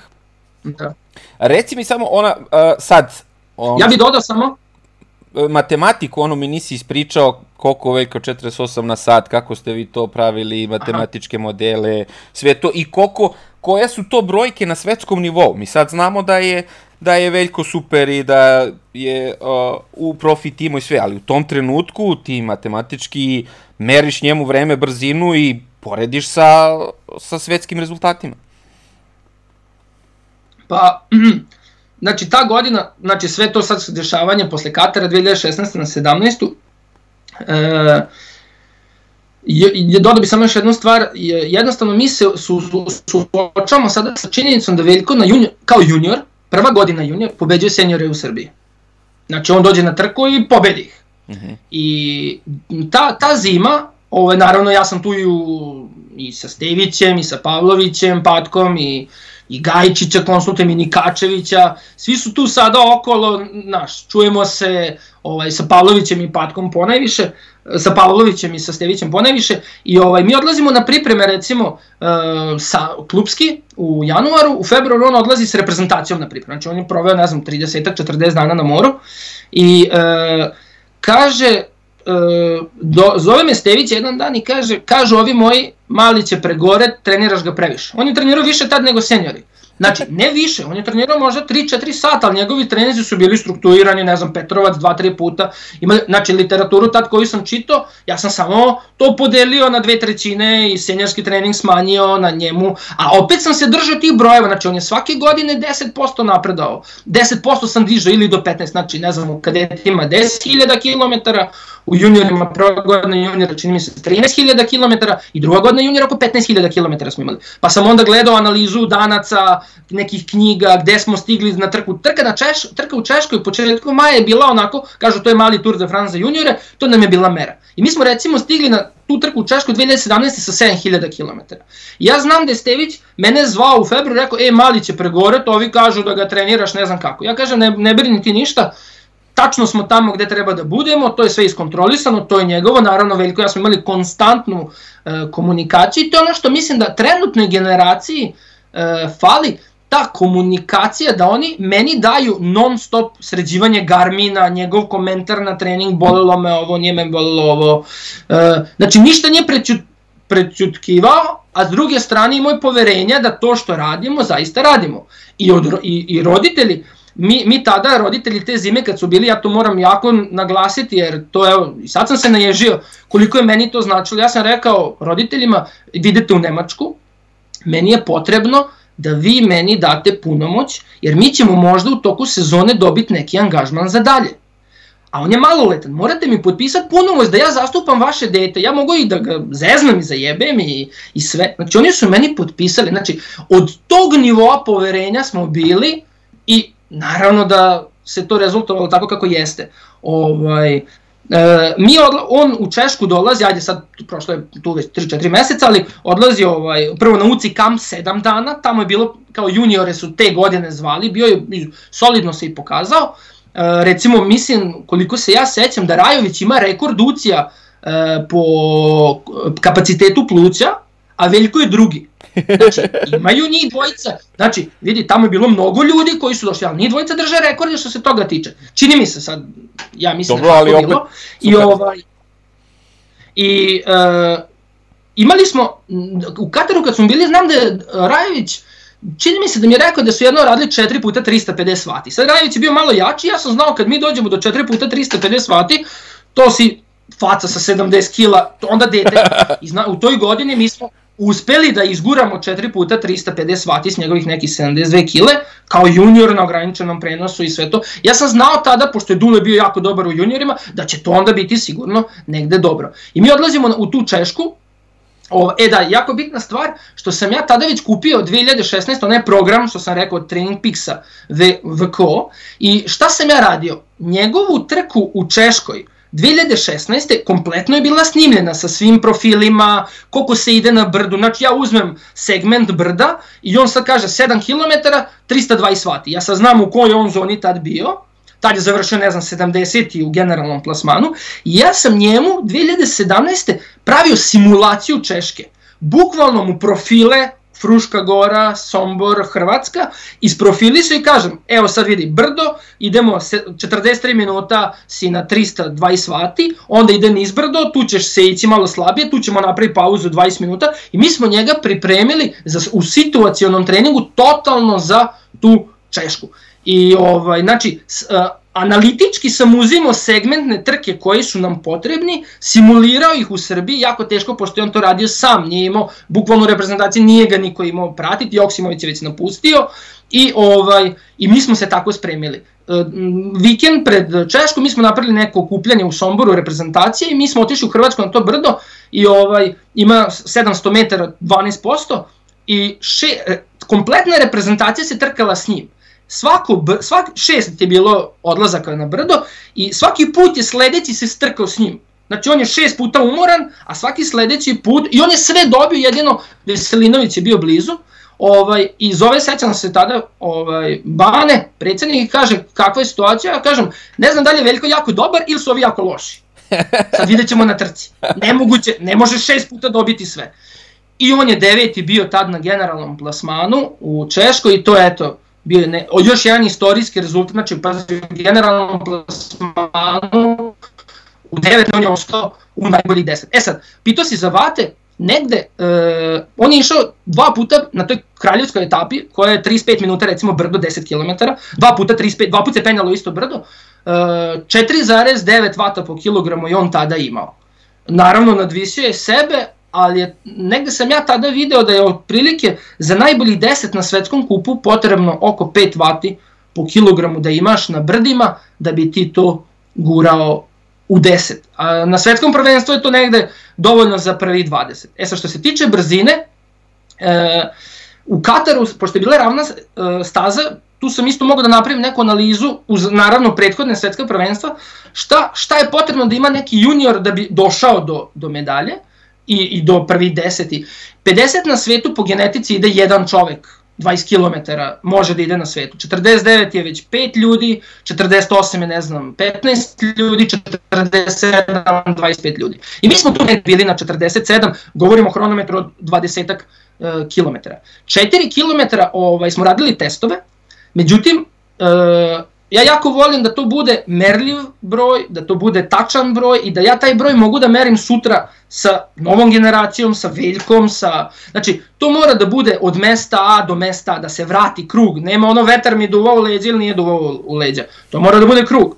E sad, pošto je 4 km jako bi se puno gubilo na okretu, mi smo radili 4 km u jednom smeru, pola sata odmah i 4 km u kontrasmeru ja ta dva vremena saberem, podelim s dva i dobijem onda vreme i izračunam prosek. On imao 48 prosek.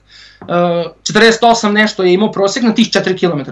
Ja sam znao da za neku medalju je potrebno 49-50. Međutim, uh, na tom evropskom prvenstvu koje nam je sledilo uh, u avgustu mesecu te 2017. on je ovaj bio deveti.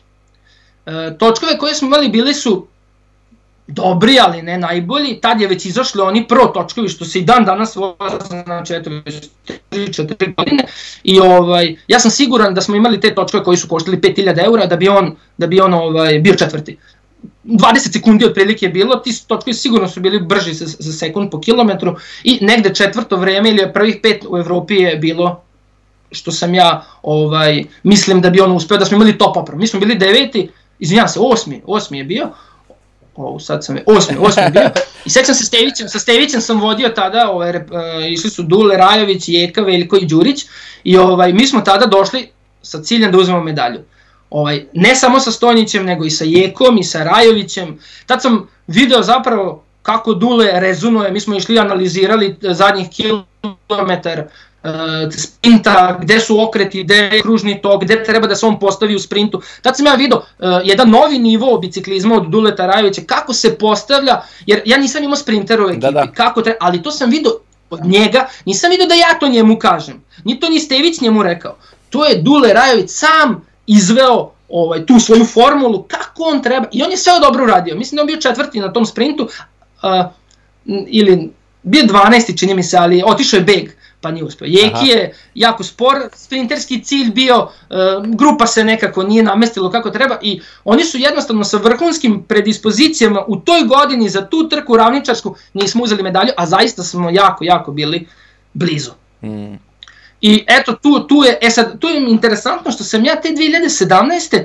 dolazi nova nada, Sara Počuča koja je sada otišla u Ljubljanu, A Ivana je isto kao i Veljko juniorka koja je nastupila tada na MTB prvenstvu Evrope. Ja sam tada u istom momentu, Sara je bila na Evropskoj olimpijadi EOF u Mađarskoj, Ivana sa Vajsom na Evropskom prvenstvu u, u Italiji, ja sam Veljkom u Holandiji i ja kao trener, znači naš četvoro smo bili po Evropi razbacani na Evropskom prvenstvu, znači nije samo Veljko te 2017. E, bio sam, pa ja s njim sam, nego ne, tu je bilo još dvoje vrhunskih, plus ova generacija klinaca koja ovaj su tada se probijali i pravili svoje rezultate. Tako da, da onako 2017. mnogo, mnogo bila zeznuta i teška. Da. A, ja samo da dodam za ovu trku u Češkoj ovde, da je, ona se završava u Nemačkoj, baš tu kod mene, ovaj jedan gradić. I ta poslednja etapa ide u onaj Altenburg i to je brdo, brate, prevrtanje leđa. To je to brdo. To, to, je, to je ono, ja znam to, to je ono Čarapiće Brest, 10 puta dugačak i tako gore, dole, gore, dole, ono kao, kad vidiš, brate, ono, siđeš bicikle, ono, ne. Znači, ti si to uspeo da te profile, teške profile, simuliraš na treningu zato što je to ta trka. To je, to je Tour de France za juniore, ta trka u Češkoj, baš zbog tih profila, jer tu klinci idu na ograničenim prenosima, da te vrtiš kao lud ceo dan i onda ti dođe brdo sa koje ono, bukvalno kad vidi, ono, ne može da se popneš. Jer to su, to su, to su parametri nekog običnog čoveka, kao što sam ja sada, kad, kao, altem, brate, mili, ono, kao, jel ovo, jel ovo može da se popne, što vi ovo stavljate uopšte da, klincima da se muče ovde. Uh, to su, znači, sve te simulacije koje ste vi radili, jer ti si uneo taj matematički pristup, a onda si video i, i kako razmišlja jedan sprinter, jer niste imali sprinter, veliko je ono baš hronometra, što se kaže, pravi i te brojke koje on tad imao, on popravlja. To si mi rekao da je on sad, tad je bio na tu oko 5 vati po kilogramu, sad je Uh, koliko je sada? Koliko u stvari treba, reci nam poređenje, koliko treba, sad treba 6, onih pričaju gde je Veljko sad tu? Ovaj, ajde da, da ne govorimo o njegovim vatima sad, to je sad neka diskrecija, ali uh, znači jednostavno je, dva, evo, 5 vati u juniorima potrebno da ostaneš u 20 na svetu. 5 vati po kilogramu. Uh, u seniorima na Tour de France sad smo imali priliku da vidimo, ako ne lažu, a ne verujem da lažu, negde 6 vati je potrebno da ti ostaneš u najboljih 5, 15, 20 biciklista. Znači, ako hoćeš u šlagu da ostaneš najboljih, 6 vati po kilogramu. Veliko je ispod 6 vati, ali ne ni tako daleko. Ovaj, a e, imam podatak da je svetski šampion u juniorima u Kataru išao 400 vati sa 70 kila. To je Brandon McNulty iz UAE, tad sam pričao s njegovim trenerom, znači to je negde oko 5,7 vati po kilogramu je potrebno da budeš svetski šampion u juniorima. Grubo. Znači, jako su bitne te, ti range-ovi gde se nalazimo, jer ti kad imaš dete može se desiti da imaš brutalno dete koji pobeđuje, a zapravo je možda generacija loša i nema ništa. Mm. A mhm. nekad imaš kao trenutnu juniorsku reprezentaciju koju ćemo imati na godinu u Srbiji, izuzetno dobra, koju možeš da vidiš već sada po vremenima na 10 km koje prave da tu jednostavno imaš Tako da, negde oko 5-7 vati je svetski šampion, ako iznad 5 vati je prvi 20 na svetu, na težim profilima u juniorima. Uh, u ozbiljnom biciklizmu to je negde, znači preko 5,5 je potrebno, ali ono što je meni bilo bitno, ja nikad nisam, u tom momentu nisam imao iskustva, nisam imao ni u Srbiji koga da pitam, koliko će jedan junior možda moći još da napreduje. Znaš, on da. sad ima pet, ja kad sam gledao knjige, ja znam, vidim i bok te ofrom ide šest nešto, pa de to mi ne možemo. Međutim, napreduje se sve to trke, sazrevanje mišića i svega, sve to jednostavno i lepo može i ovaj napred može se još napred. Znači potrebno je preko 5,5 da da bi ti nešto uradio, mislim da moraš imati preko 5,5. I sad isto dolazimo do do nekog sprinterskog i do brdskog profila vozača ako ćemo na VO Max da prevedemo to. Ti ne možeš ozbiljan biciklizam brdski da radiš bez 80 VO Max. A ako ćeš da budeš sprinter, ti možeš da budeš i na 70 i do 75, znači e, dozvoljavati, to, to, su, to bez toga ne možeš. A, a, postoje ljudi koji su zeznuli prešli igricu, koji se, znamo svi da Stević je bio neko ko je brutalno se vozio, koji je bio jako pametan, optimalno koristio energiju i sve, znači može. Ja sam analizom utvrdio sad kad smo kupili pavere prošle godine sa, sa novom generacijom, recimo, uh, vozi 300 vati, stavim ga samo u drugi red, pošto smo sad imali, ne znam, troje četvoro bicikliste s paverom, iste pavere, pa smo mogli da upoređujemo, znači, 70, znači 300 vati na čelu, 220 vati iza. Znači, ti 70-80 vati nema, ne, mm, Stojnić nije bio 80 vati loši od najboljeg. On je bio loši možda 20-30 vati, 40. Ali ako bi da se vozio kao Stević, on bi bio možda svetski šampion. Da, da. I upravo mislim da je Pogačar, upravo mislim da je Pogačar to mašinerija i izuzetno visoka i tehnika i inteligencija spojena u jednom i dobili smo tako, takav jedan profil vozača koji imamo danas. I nivo svesti, to svi kažu, uh, na primjer, uh, sad kad si to pomenuo, za vozače koji se super voze, da stiskaju, u svakom trenutku stiskaju manje vati nego drugi vozači koji se drugačije uh, voze u grupi i uh, možda imaju drugačiju aer, uh, poziciju. A ovo što si pomenuo sad Pogačara, kad pričamo sad o ovim mladim momcima sada, uh, koliko je sad ovo super što je Pogačar radio, toliko praktično na nekom svetskom nivou, ja gledam da možda i nije, zato što to nije normalno, jer je on vrhunski talenat. I sad klinci koji imaju 19-20 godina će kažu, ej, ja sad treba pobedim Tour de France. Ne, dečko, ti ako radiš ovako kao radi, kao što je Veljko išao, znači, tvoje vreme će doći za 5 godina, samo treba strpljenja. A ovo što je Pogačar uradio, kako objasniti? Kako objasniti tim mladim ljudima koji gledaju Pogačara sad i kao, ej, on je sa 20 godina pobedio Tour de France, šta sam ja uradio sa 20 godina? Ja sam još, ne znam, na, na 4,5, 5 vati, 5,5, znači treba da gura, doguram do 5 do 6, ovo, pardon. Znači, s te strane, kažem, koliko je to i dobro, to koji nije. Znaš, obeshrabrujuće je za nove mlade ljude. To ne samo kod nas, nego u čitavom, čitavom svetu. Prvo u Sloveniji, pa tek onda ove druge, ove, ove druge zemlje. Ali to je ono, znači, sad je taj biciklizam to, znaju se brojke. Ti si krenuo od nule, ti nisi imao nikakve parametre. Ti si sam pravio svoje tabele, sam imaš sad svoja vremena i sam upoređuješ Veljkova vremena za kog znamo da je uspeo.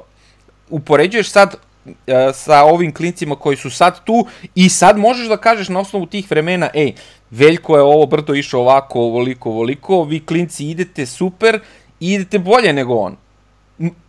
Sad oni to znaju i oni imaju tu motivaciju više i da ono zapisuju da i oni vode dnevnik samo kontrole kako to vas zove i da zapisuju da imaju svoju dnevnu motivaciju da znaju da je moguće ono što ti kažeš da je moguće iz Srbije uspeti ali jednostavno što smo tu gde jesmo i smo tako mali da mora da bude taj uh, vozač kompletan apsolutno kompletan i fizički i psihički da bi mogao da se vozi dobro i da bi mogao da izdrži uh, to kako se danas trka u, u, u, u svetu.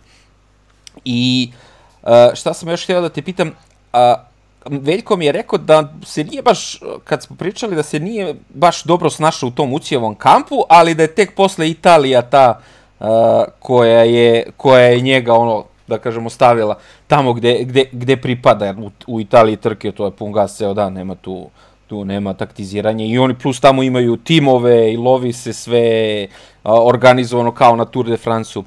E, ispričaj mi, molim te, samo taj, još jedan, samo taj korak kako je dospeo do Italije i to, to tamo sa tim amaterima, jer to je isto jako zanimljiv detalj, e, zbog čega? Zato što i danas tako funkcioniše ceo svet. Mladi vozači idu kod nekog kući budu praktično deo familije, pa onda se odatle idu na, na trke i trkaju se. Nema, nije to na nivou kao što je svi profi timovi uh, I taj deo, e, taj deo porodice koja ga prihvata kao svog je isto jako bitno i to je bilo i kad su Nikačević i Gajčić bili i dan danas je tako. Taj mi je deo interesantni, kako ide taj uh, dalje Veljkov put od tih juniora do, uh, do ovih prve amaterske ekipe u Italiji. Uh, 2017. Trk, svetski kup u Luksemburgu, jul mesec, uh, pre tog evropskog, ja sam bio išao sa reprezentacijom. I tada slovenački selektor je Andrej Cimprić koji je mahom tamo, ja mislim sve njih i bio u nekom vremenu kad su se svi oni razvijali ovaj selektor, zaslužan jednim delom, uh, nije imao mehaničar i onda je on pravo bicikle, ovaj, mi smo to taj jedan dan između dve trke ovaj, se za, dugo u noć ostali, pili pivo, razmenjivali opet moja ona čuvena pitanja šta radiš, kako radiš. I ovaj, znam da mi Veljko Sutraja rekao, pošto je to bilo iznad njegovog prozora, jao šta si udavio si čoveka, nismo mogli spavati ovaj, od tebe. Ali ja sam tad došao do informacije, ali čovjek je tad vidio šta ja radim i kako radim i prepoznao je verovatno nešto. I tu sam napravio taj jedan jako kvalitetan kontakt koji održavamo i čujemo se, ali koji će pomoći kasnije za Veljka. Veljko posle 2017. stiže poziv iz UCI da on ide tamo na 6 meseci, ili ne znam, 4 meseca i on je otišao u UCI e, u januaru, februaru. E, problem je što je UCI, ne znam da li sistemski to tako ž, se htelo da se napravi. Njima je hotel e, na jednom mestu, a e, menza i velodrom su 5 km dalje. I bukvalno tri puta dnevno ti moraš 5 km bajsom, koji imaš city bajs, po kiši, snegu, ledu, loza, tamo kod Lozane, da ideš. I to je jedan onako dosta težak, teža, teška stvar. Prvo ne znam koliko je hrana bila kvalitetna, ali taj uc je više e, napravljen za zemlje Latinske Amerike, Azije, Afrike, a ne za Evropljane. E, tako da je bio taj jedan problem. E, drugi, drugi problem je što, ne znam, jedan je pisao treninge, drugi je bio s njima. Nije ni to tamo na tako visokom nivou u toj godini možda bilo, kao što, kao što je možda bilo kad je bio Rajović ili kad je bio Kasa pre toga. Tako da, ovaj, Veljko je trenirao i radili su bazu. I to mu se dobro potrefilo što su radili bazu. Izuzetno mnogo kilometara su vozili. Znači skok sa nekih naših 15 na 21-2000 u prvoj godini senjora. I ovaj, jednostavno mislim da nije se dobro vozio, tehnički nije bilo to dobro, a na brdu je opet bilo bržih, boljih i on tu jednostavno, da šta se desilo, on je završio uciju i išao je otišao je kući. Napravio jedan dobar rezultat, imao jednu pobedu u Austriji ovaj, su u Anderima, ali to nije bilo dovoljno za taj njegov neki. Jer on je do tada naučio bio da da mu ja, ne, neću reći serviram, nego znao je da može da računa i na naučna objašnjenja i na moj pristup i odjedan put on u svetu sam. Ovaj, e sad, ne verujem ja da je to toliko njemu smetalo, ali jednostavno to su velike promene, dete, to je dete još 18-19 godina i on se vraća kući i mi nastavljamo da radimo te godine zajedno, međutim meni te godine već ovaj, ja sam krenuo te godine da radim sa Đurićem, koji je evo sada opet uspeo u Italiju u Andersku ekipu da ode. Ovaj, te godine sam radio s njim, on je bio balkanski šampion i drumski i hronometarski, a i ovi klinci mi stasavaju. Sad je problem, veliko se vratio, ja sam krenuo nešto drugo i sad treba s njega izneti. I onda je bila trka kroz Mađarsku, gde je on uh, od 180 ljudi preguro brda u prvi 20 i tu opet skrenuo pažnju na sebe, a bila je jedna trka s reprezentacijom, vozili su u Rumuniji, ovaj, mislim da je Sekerland ili tako nešto, i on je bio peti na hronometru. I tamo ga je video njegov budući taj trener. To je bitan moment i kako su mi otišli na svetsko prvenstvo u Kataru, jednostavno mi smo otišli kod Raše Milića da pre, pred Innsbruck da napravimo analizu, jer sam ja bio ubeđen da Veljko ima jako dobru genetiku, ali jednostavno ne može da iznese to još taktičko, tehnički, nije još do, dovoljno iskustva nema. Što se na kraju pokazalo da je imao do odlične rezultate i onda kad sam otišao na svetsko prvenstvo, onaj Andrej Cimprić s kojim sam ja tamo pio pivo i, i razmenjivo znanja i sve i saradnju, i ponovo naravno apatinsko pivo, ovaj, me pitao jesi rešio za malog nešto, ja kažem nisi, ako možeš da mi pomogneš, i on je poslao svoje dva prijatelja u Italiji e, mailove, jedan je odbio, a ovaj Bard, Andreja Bard, ovaj, je, pošto ga je se sećao, prihvatio i uzeo. Bardijani. Tako da, i to, tako je on onda došao tamo u tu porodicu i te godine se on jako brzo snašao, ovaj, propričao italijanski za par meseci, da kad je recimo Bard došao posle 4-5 meseci za državno prvenstvo je došao u Sombor i da Veljka vodi na državno prvenstvo, onda on meni rekao da on nije imao ni jačeg, ni psihički, ni fizički tako dete još pripremljeno uskoro, uskoro ga je zvao i direktor, ali recimo kad su išli na neke evropske trke, pošto ne zna dobro engleski, Veljko je zapravo predstavljao ekipu na sastancima i pošto je bio elokventan, znači i engleski i italijanski perfektno, već pričao s 19 i... Italijani ne pričaju engleski. I eto, da. tako je ospao, onda je on ta njihova ekipa, Vini Zabo je zapravo glavna ekipa, a ta njihova ekipa je tad bila razvojna ekipa gde je Veljko došao. I on je za godinu dana, naš, tu se voze trke raznorazne, od gradskih, uličnih, brdskih, napravio te dve pobede i to je bila dovoljna preporuka da, da on ode stepenicu iznad. Da, i bukvalno je on uh, jedan od dvojice ljudi, taj tim se raspao tada, pro, kad je to bilo, pre par godina, da. I jedino on i još jedan dečko su prešli u, u ovaj uh, Vini Zabu sada, kako su se zovali, Vini Fantini, ovaj, da vozi sa Viscontijem i sa Lukom Skintom i, i da ga gledamo na, na Eurosportu. Znači, taj drugi klinac, verovatno iz te italijanske neke porodice, koja sve to još više gura i to tako tamo ide, to tako tamo funkcioniše. Možda čak oni to i debelo plaćaju, tako. Ali e, mi to ne znamo, mi znamo da je Veljko jedini iz te cele ekipe, onako što, što se kaže po zaslugama i po tome što je kompletan i, i, i fizički i psihički prešao u profi i videli smo ga, stalno je u begu, zna, zna gde je, zna šta radi, zna kako radi, ali osnova svega su te tvoje matematičke formule i taj pristup da vi, da i on zna zašto je tu gde jeste sada i gde je i zašto je to bilo tako kako ste radili i verujem da ti on sad mnogo pomaže u uh, u tome, jer sad imaš prvog seniora praktično na ono, ne, velik, na svetskom nivou, gde on sad opet može da ti kaže podatke i kako trenira sa drugim trenerom, da ti sad možeš sa novom generacijom da ideš dalje nego što nego što je to bilo sa Veljkom. No, I dalje razmenjujete podatke i sve to, power metre, špioniraš. A, svakako, svakako, mislim, to to je i negde bio, nije bio cilj, nego ovaj, ja sam se tome nadao da kad prvi uspe da ćemo dobiti m, dalje podatke, naravno da ih imamo, ovaj, da sam upućen u sve, ovaj, često ja znam i neku kritiku ovaj, da pošaljem, tako da, mislim, save, savetodavno, tako da, ali, ali definitivno zadnje dve godine, od kad je otišao u Italiju, baš je podigao lestvicu, podigao svoje nivoe. Znači nisam verovao, moram biti iskren, e, kad je bio juniorima, da će moći doći na nivo podataka gde je sada. Što meni opet daje e, znak da još više se može uspeti iz Srbije. Imao sam recimo jednu, jedan, jednu zanimljivost ove godine, e, jedna ekipa, neka dvojica iz Italijana su želeli da naprave andersku ekipu u Srbiji. Da li su oni, oni su me zvali još i prošle godine. Međutim, ja sam rekao, ja nemam trenutno dece još spremne za to, pa su oni da li su nešto pokušali, nisu, ne znam. Ove godine su me ponovo kontaktirali preko nekog njihovog difovca iz Srbije s kojim futbalski je priča, ali oni su ovako rekli, Srbija je zemlja sportova i Srbi su sportska nacija i neverovatno je da nisu uspešni u biciklizmu, nešto rade pogrešno.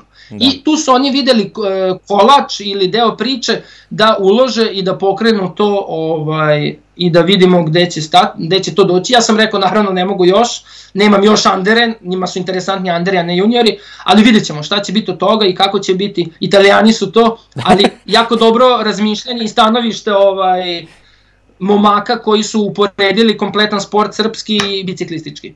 Ja, da, jako interesantno. Ali ja se nadam da se menja.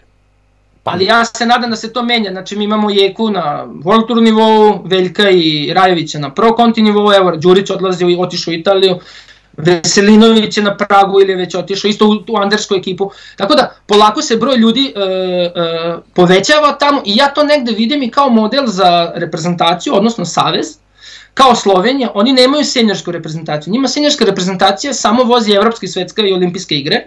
Oni se razvijaju u ekipama koje imaju budžete, koje to plaćaju, a Savez služi za razvoj dece, razvoj juniora i eventualno Andera, anderskih ekipa i to jedino je održi model. Ti ako imaš seniorsku reprezentaciju kao seniorsku kako smo mi imali nekada, biciklizam je promenjen, to više ne može tako, jer e, deca moraju da dobiju e, i pripreme i odlaske na trke, jer mi ovde nemamo kvalitetne trke, nemamo velike grupe, znači to sve košta da ti odeš u Češku, da ti odeš u Sloveniju, moraš ih slati tamo, jer oni ovde, iako su najbolji, misle, imaju možda pogrešno, ne dožive što kaže Veljko i njegova generacija, uh, zid dođu do zida na uci trkama na kupu nacije, zid realnosti ga zovu, gde mnogi ne završe trku, a kamoli prave rezultat. Da, da. Tako da je jako bitno uložiti u klince, ovaj, mnogo je manje i košta, jer se, ako se krene od malih nogu to raditi, onda baza,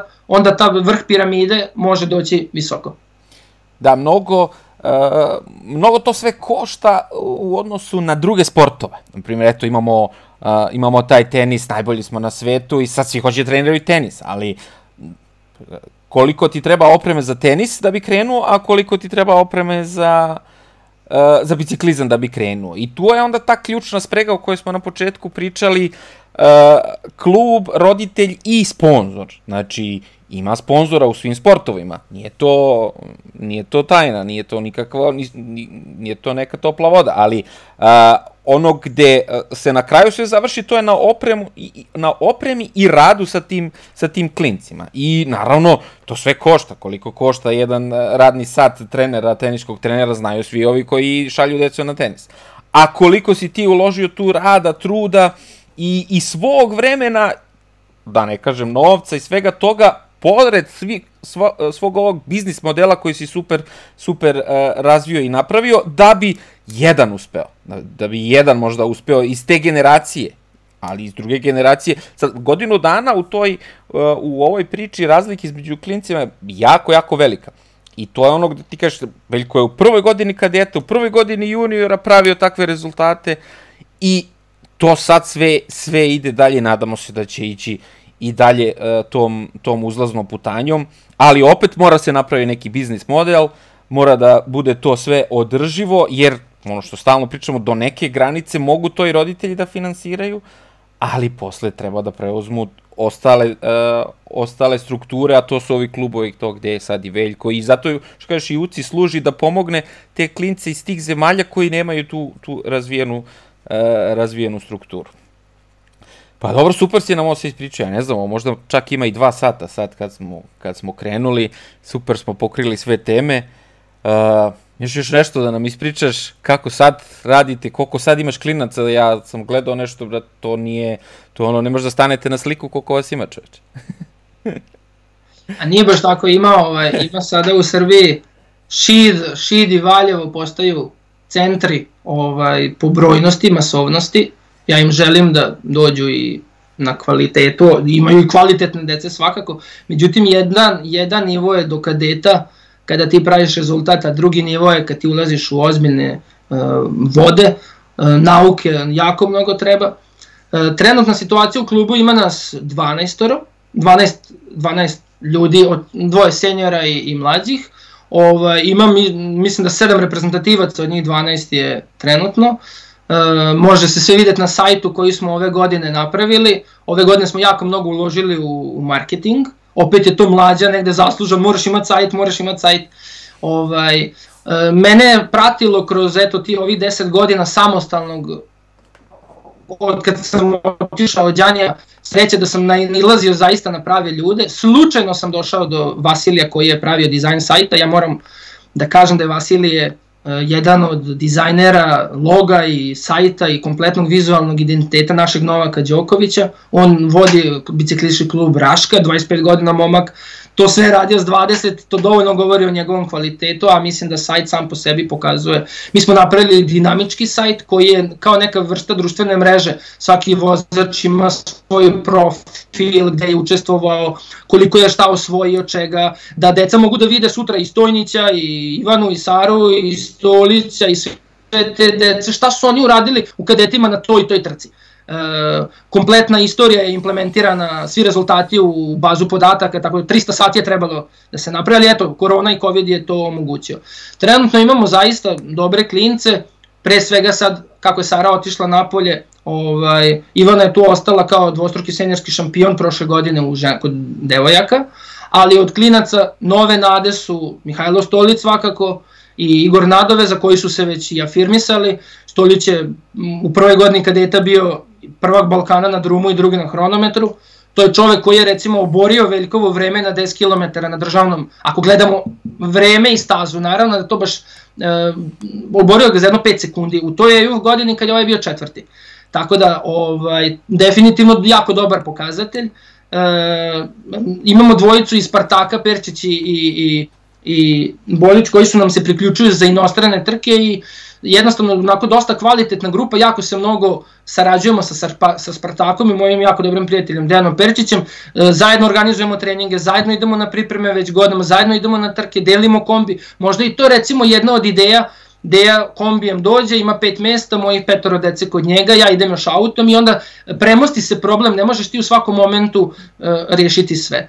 U svakom slučaju dosta kvalit, uh, kvalitetne dece ima u klubu, trenutno sam, ajmo reći, zamrznuo dola, dola, dolazak nove dece u klub iz razloga što ovi zahtevaju jako mnogo vremena, jako mnogo posvećenosti, a i situacija s covidom je specifična gde mi već sad radimo na onako malo na daljinu, preko nedelje ja im pišem šta da rade, oni odu u teretanu, ta deca su već 5-6 godina u klubu pa već znaju sistem rada, dok se vikendom smo zajedno. Sad, ovaj, trenutno su na kuponiku na pripremama, tako da ovaj, mali predah, ali evo sad se vraćaju pa krećemo iz početka. Znači, ja bih poručio svima samo da je moguće, ali zaista, zaista mora velika, velika, velik rad, velika odgovornost, velika neka, kako da kažem, entuzijazam i što Vasa kaže, Božja misija ne može do veka da traje. Kod mene je Božja misija već prošla, jer pr, posle prvog je drugi, ne može više nikad biti prvi i ovaj sada bi ovo trebalo da postane neki biznis ili posao. Ja sam od uvek to, tome težio. E, imamo sad već dosta dobre sponzore. Force Češki nas sponzorišao treću godinu za redom, ove godine smo uspeli. Ja bi sad tu na, se nadovezao možda na Ljujića s kojim si pravio podcast koji je savršeno to još i bolje objasnio ovaj, kako to funkcioniše. Recimo Force e, je rekao imate savršen super sajt, imate super Facebook, ali Instagram ne vodite. Mi smo od ove godine za ajmo reći honorarno angažovali jednu devojku koja će se baviti PR-om sledeće godine, ja ne mogu, ja sam sve to radio, ali ne, ne možeš postići jednostavno, jako je bitno ta edukacija mladog kadra da oni nastavljaju.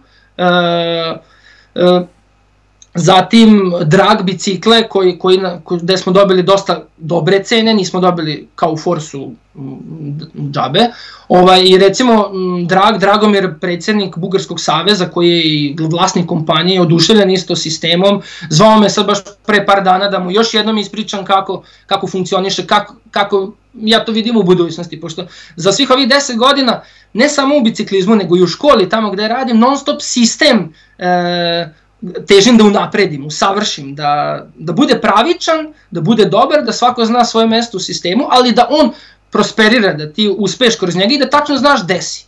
Da nema ono rekla kazala ili po dogovoru rešit ćemo, ne, tačno se zna u svakom momentu gde moraš biti i ovaj, dosta, dosta je to onda i naporno i cedi, jako cedi i ovaj, tako da u nekoj, od sledeće generacije, ako je Buda, trebalo bi ovaj, e, planiram drugačiji model. Moram, moram to malo drugačije. Moram naći nešto između, između Veljkove generacije i ajmo reći sada ove nove, zato što je ova nova uskočila u tu nauku kad je Veljko izašao. A trebalo se više igrati sa njima. Tako da nauka negde te, treba s njom težiti tek od druge godine kad dete. Do tad ipak treba da se igra, ali deca moraju da nauče pravim vrednostima uh, od ne znam, pranje bicikala, pakovanja torbi, dolazaka na vreme, e, pisanja nekih trening dnevnika ili treninga, e, dnevnih samokontrole, e, tako da sve to jako bitno i, i, i nekako socijalizaciju više raditi. Mi smo bukvalno ušli s naukom i jako dobre rezultate imali, recimo pre, ne znam, dve godine, da su ta deca postala sve, nisu svesni gde su. To što si u jednom podcastu rekao da, da jednostavno ono, kad mi dođemo na trku, to je ono što je lice, ali ono kad zagrebeš dublje i vidiš kako je u nekom klubu, ti to ne vidiš. Pa i u mm. tom rogu, u Napolje i u Vinkovcima, koji su meni bili idoli na početku, recimo Sokol Vin, rog mi je bio ono imperativ, ali uh, sad je to i Adria, možda ih je i nadvisila, a, a Sokol Vinkovci su recimo bili nam prvih nekih pet godina mustra kako bi to trebalo da funkcioniše. Uglavnom, ovaj deca su uh, na, mislim, u kvalitetnom, aj sad drugi treba da to hvale, ali nisu svesni da može mnogo i lošije. I da, onda, da. ovaj, čini mi se da, da, da ponekad nisu naš, ni ne cene to na, onako dovoljno, pa nego ne, misle da je to tako bogom dano. Da, da, pa ne mogu oni da znaju. Kako, ne mogu oni da, da znaju. Jasno, jasno, jasno. Mislim, tako smo i mi, ono, znaš, Ali svakako, na trg. Tako smo i mi kad smo bili klici, znaš, ti sve hoćeš nešto još, nešto više, a ne znaš da u drugom klubu je to mnogo, mnogo lošije, znaš, ono, tebe vode na trku, ono, sad držete kao malo vode na dlanu i sve to, a ti kao si sad neki, znaš, imaš visoko mišljenje o sebi, to je, to je u redu u tim godinama da to, da to tako oni misle, posle će život da ih stavi tu gde treba, na njima je to da, da oni da oni to osveste da vide sami na svojoj koži gde je kome tu mesto i to je ono što kaže naj, najvažnije to obrazovanje da oni e, da oni imaju radne navike, peru bicikli sve to i a, to smo kod tog obrazovanja, ajde reci mi samo vi ste uspeli da izgurate u škole da imate baš to sportsko odeljenje jer ljudi su videli da je Veljko sad jedan vrhunski sportista na svetskom nivou i prepoznali su to da treba a, ostaviti prostor u školi za, za tu decu. Pa, gimnazija u kojoj ja radim o, dobila je odobrenje za sportski smer, ne mogu ja reći da je veliko zaslužen. Naopako, mi imamo iz poznatijeg sportista iz Sombora, to je Nikola Jokić. E, Jokić je veliki lokal patriota i onako e, ima svoju fondaciju sportsku, e, klub njegov, polako se isto, mislim, dobar je, ali sve ozbiljnije i ozbiljnije.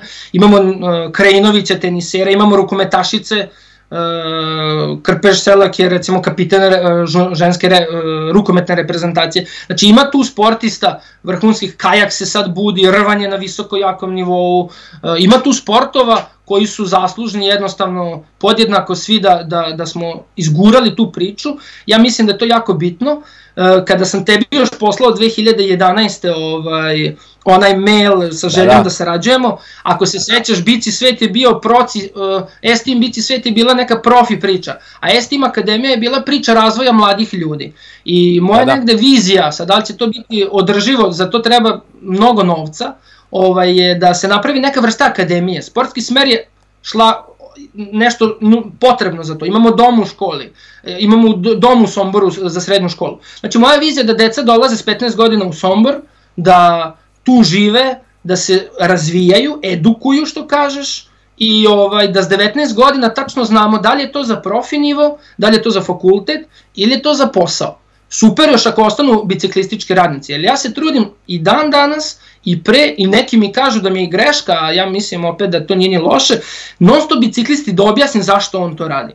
Zašto da bi sutra kad ode negde da on prepozna da je to nešto kvalitetno ili ne da li je to nešto dobro za njega ili ne. Ono što sam ja u poslednjih 2-3 godine susrećem se sada sa vrhunskim sprinterom Stolićem, a i nadovezom koji se izuzetno dobro voze u grupi, to su negde deca koja su onu Veljkovu 20 ljudi okruženost prošli kao pilici, ovaj, e, situacija je da sada imam totalno drugačije men, m, psiholo, psihologije ljudi. Sprinter, Uh, I sad spajam Rajović, Stević, e, Stojnić, e, Gajčića i Nikačevića, ja se njih ne sećam ovaj, iz tih nekih biciklističkih dana, ali ovaj, Stolić, Nado, znači ti sad vidiš ka, kakvo je dete sprinter, kakvo je dete brdaš. I ti jednostavno vidiš uh, da ne mogu da budu isti. Ne može sprinter koji će da stavi glavu tamo gde niko neće ni nogu, da bude fin, ne fin, nego da bude povučen. On mora biti onako malo uh, stasiti čvrstog stava. Imamo i u, u, u Spartaku imamo Perčić, jednog vrhunskog uh, brdaša, koji sad sa stolicem ima izuzetne podatke slične Veljkovima, u nekim stvarima i bolje, i ti jednostavno sad uklapaš sliku da li se, super je što se desi da njihov e, psihički karakter ili njihova ličnost odgovara onome što su oni na bajsu da nije sad brdaš pa da je napresita s druge strane i da nije kontra. E sad treba naći negde između neku idealnu formulu i ovaj jako je bitan taj neki psihi, psi, psihološki e, deo priče kako prići detetu jer ono prolazi tinejdžerske godine. Oni se razvijaju, mi ih moramo prihvatiti e, sa svim njihovim vrlinama i manama jer to su mladi ljudi i sad ih spremamo za svet. I sad ih spremamo za ono što će doći napolju, a napolju će biti jako teško. I jako surovo. Koliko on treba da bude mašina, koliko on treba da bude mašina, toliko on treba da bude jaka ličnost, eh, odgovoran, mudar, eh, i, u muškom i u ženskom rodu, evo sad Cara ide napolje, znači eh, doći će u neku situaciju gde nisu navikli da budu peta violina, šesta violina, treća violina, treba će vreme dok se izbore za sebe. Jer uvek će Slovenac više voleti Slovenca, uvek će uh, Italijan više voleti ili bilo koja druga nacija svoga, ali je potrebno da se izboriš kao što su se izborili Ajde Jeka, Dule i Veljko za neko svoje mesto, a ja verujem da je uh, budućnost velika i pred ovom decom. Samo da izdrže u svakom mogućem smislu. Da, ti sad znaš šta je i, i fizički i psihički potrebno da neko bude profesionalni sportista, jer svi uh, sportovi, ne samo biciklizam, uh, svi sportovi uh, velika većina, ajde nije svi, ne, u nekima smo stvarno i, i mi najbolji na svetu, ali za veliku većinu sportova najbolji klubovi na svetu su negde tamo, preko granice. I to je jako teško za, za mlade ljude da se, kada treba da se odvoje, bez obzira kako god oni da su vrhunski, da imaju sportske uh, rezultate, kad treba da se odvoje od uh, onog tamo gde su, gde su odrasli.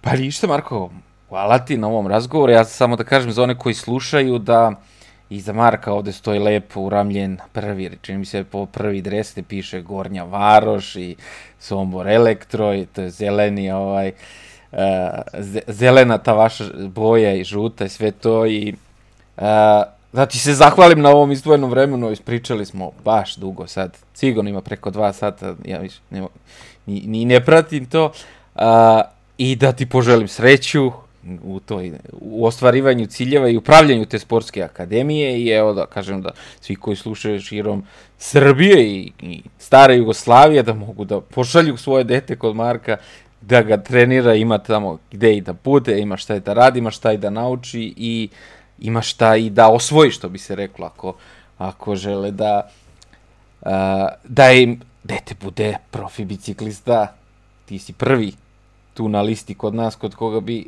mi svi poslali našu decu da, da rade sa tobom. Hvala ti puno, ne znam imaš ti još nešto za kraj, ispričaš još jedno pola sata. Hvala, hvala i tebi, hvala, hvala i tebi na, na, ovo, na ovom pozivu i časti, ja znam 2000, tamo 10. 11. kad si krenuo tu priču, onda meni ko dođe na Bici Svet sajt, ko dobije svoje parče, ovaj, to znači da je dobro. Sad valjda sam i ja došao do, uspeo naš, ovaj. A teo bi samo da poručim svima, ne, ne mora to da dođe u Sombor. Moje, ja bih volao da postoje, da, svi, da mnogi klubovi budu dobri, voljan sam da pomognem, kogod nazove, dobit će od podataka, šablona, ugovora, svega, zaista bih voleo da biciklizam bude na višem nivou, želim pomoći ljudima i svako to može u svom negde mestu, saradnja je tu pre svega najbitnija, jer ne možemo sami, e, da li ćemo povesti decu, mi imamo dobro, dobro mesto za putovanja, ovaj, pošto smo blizu zapadne i severne Evrope, ali ovaj, saradnja je najbitnija, razmena mišljenja, ne znam ja sve dobro, ja i dalje mislim da ne znam dovoljno i da treba da se unapređujem, ali ovaj svi drugi isto moraju se unapređivati i moramo biti ovaj tim, jer ako nismo tim, e, to su onda individualne priče, individualne božije misije, a misija traje do jednog trenutka, a zajedno moramo učiniti da to bude ovaj i nešto korisno za nas, jer svi mi imamo porodice koje žive, koje moraju živeti od nečega, a koje je Božja misija, kad ta priča mora onda, ili ne, nažalost mora da stane, da bi se ovaj, bavili onda nekim stvarima se bavili životom. A, Ništa. Tako, tako Super. da, eto, još jednom, hvala ti, hvala ti na ovom ukazanom poverenju i za mene je ovo čast. hvala ti na ovim lepim rečima, a vi poštovani gledalci i slušalci, kliknite like, subscribe, pretplatite se na naše kanale, video i audio za još ovakvih priča i širite ove priče i dalje o, evo sad smo već ustanovili novi termin Vasov Božja misija, o Božoj misiji u biciklizmu kod nas ovde. Prijatno i do nekih narednih epizoda. Uživajte.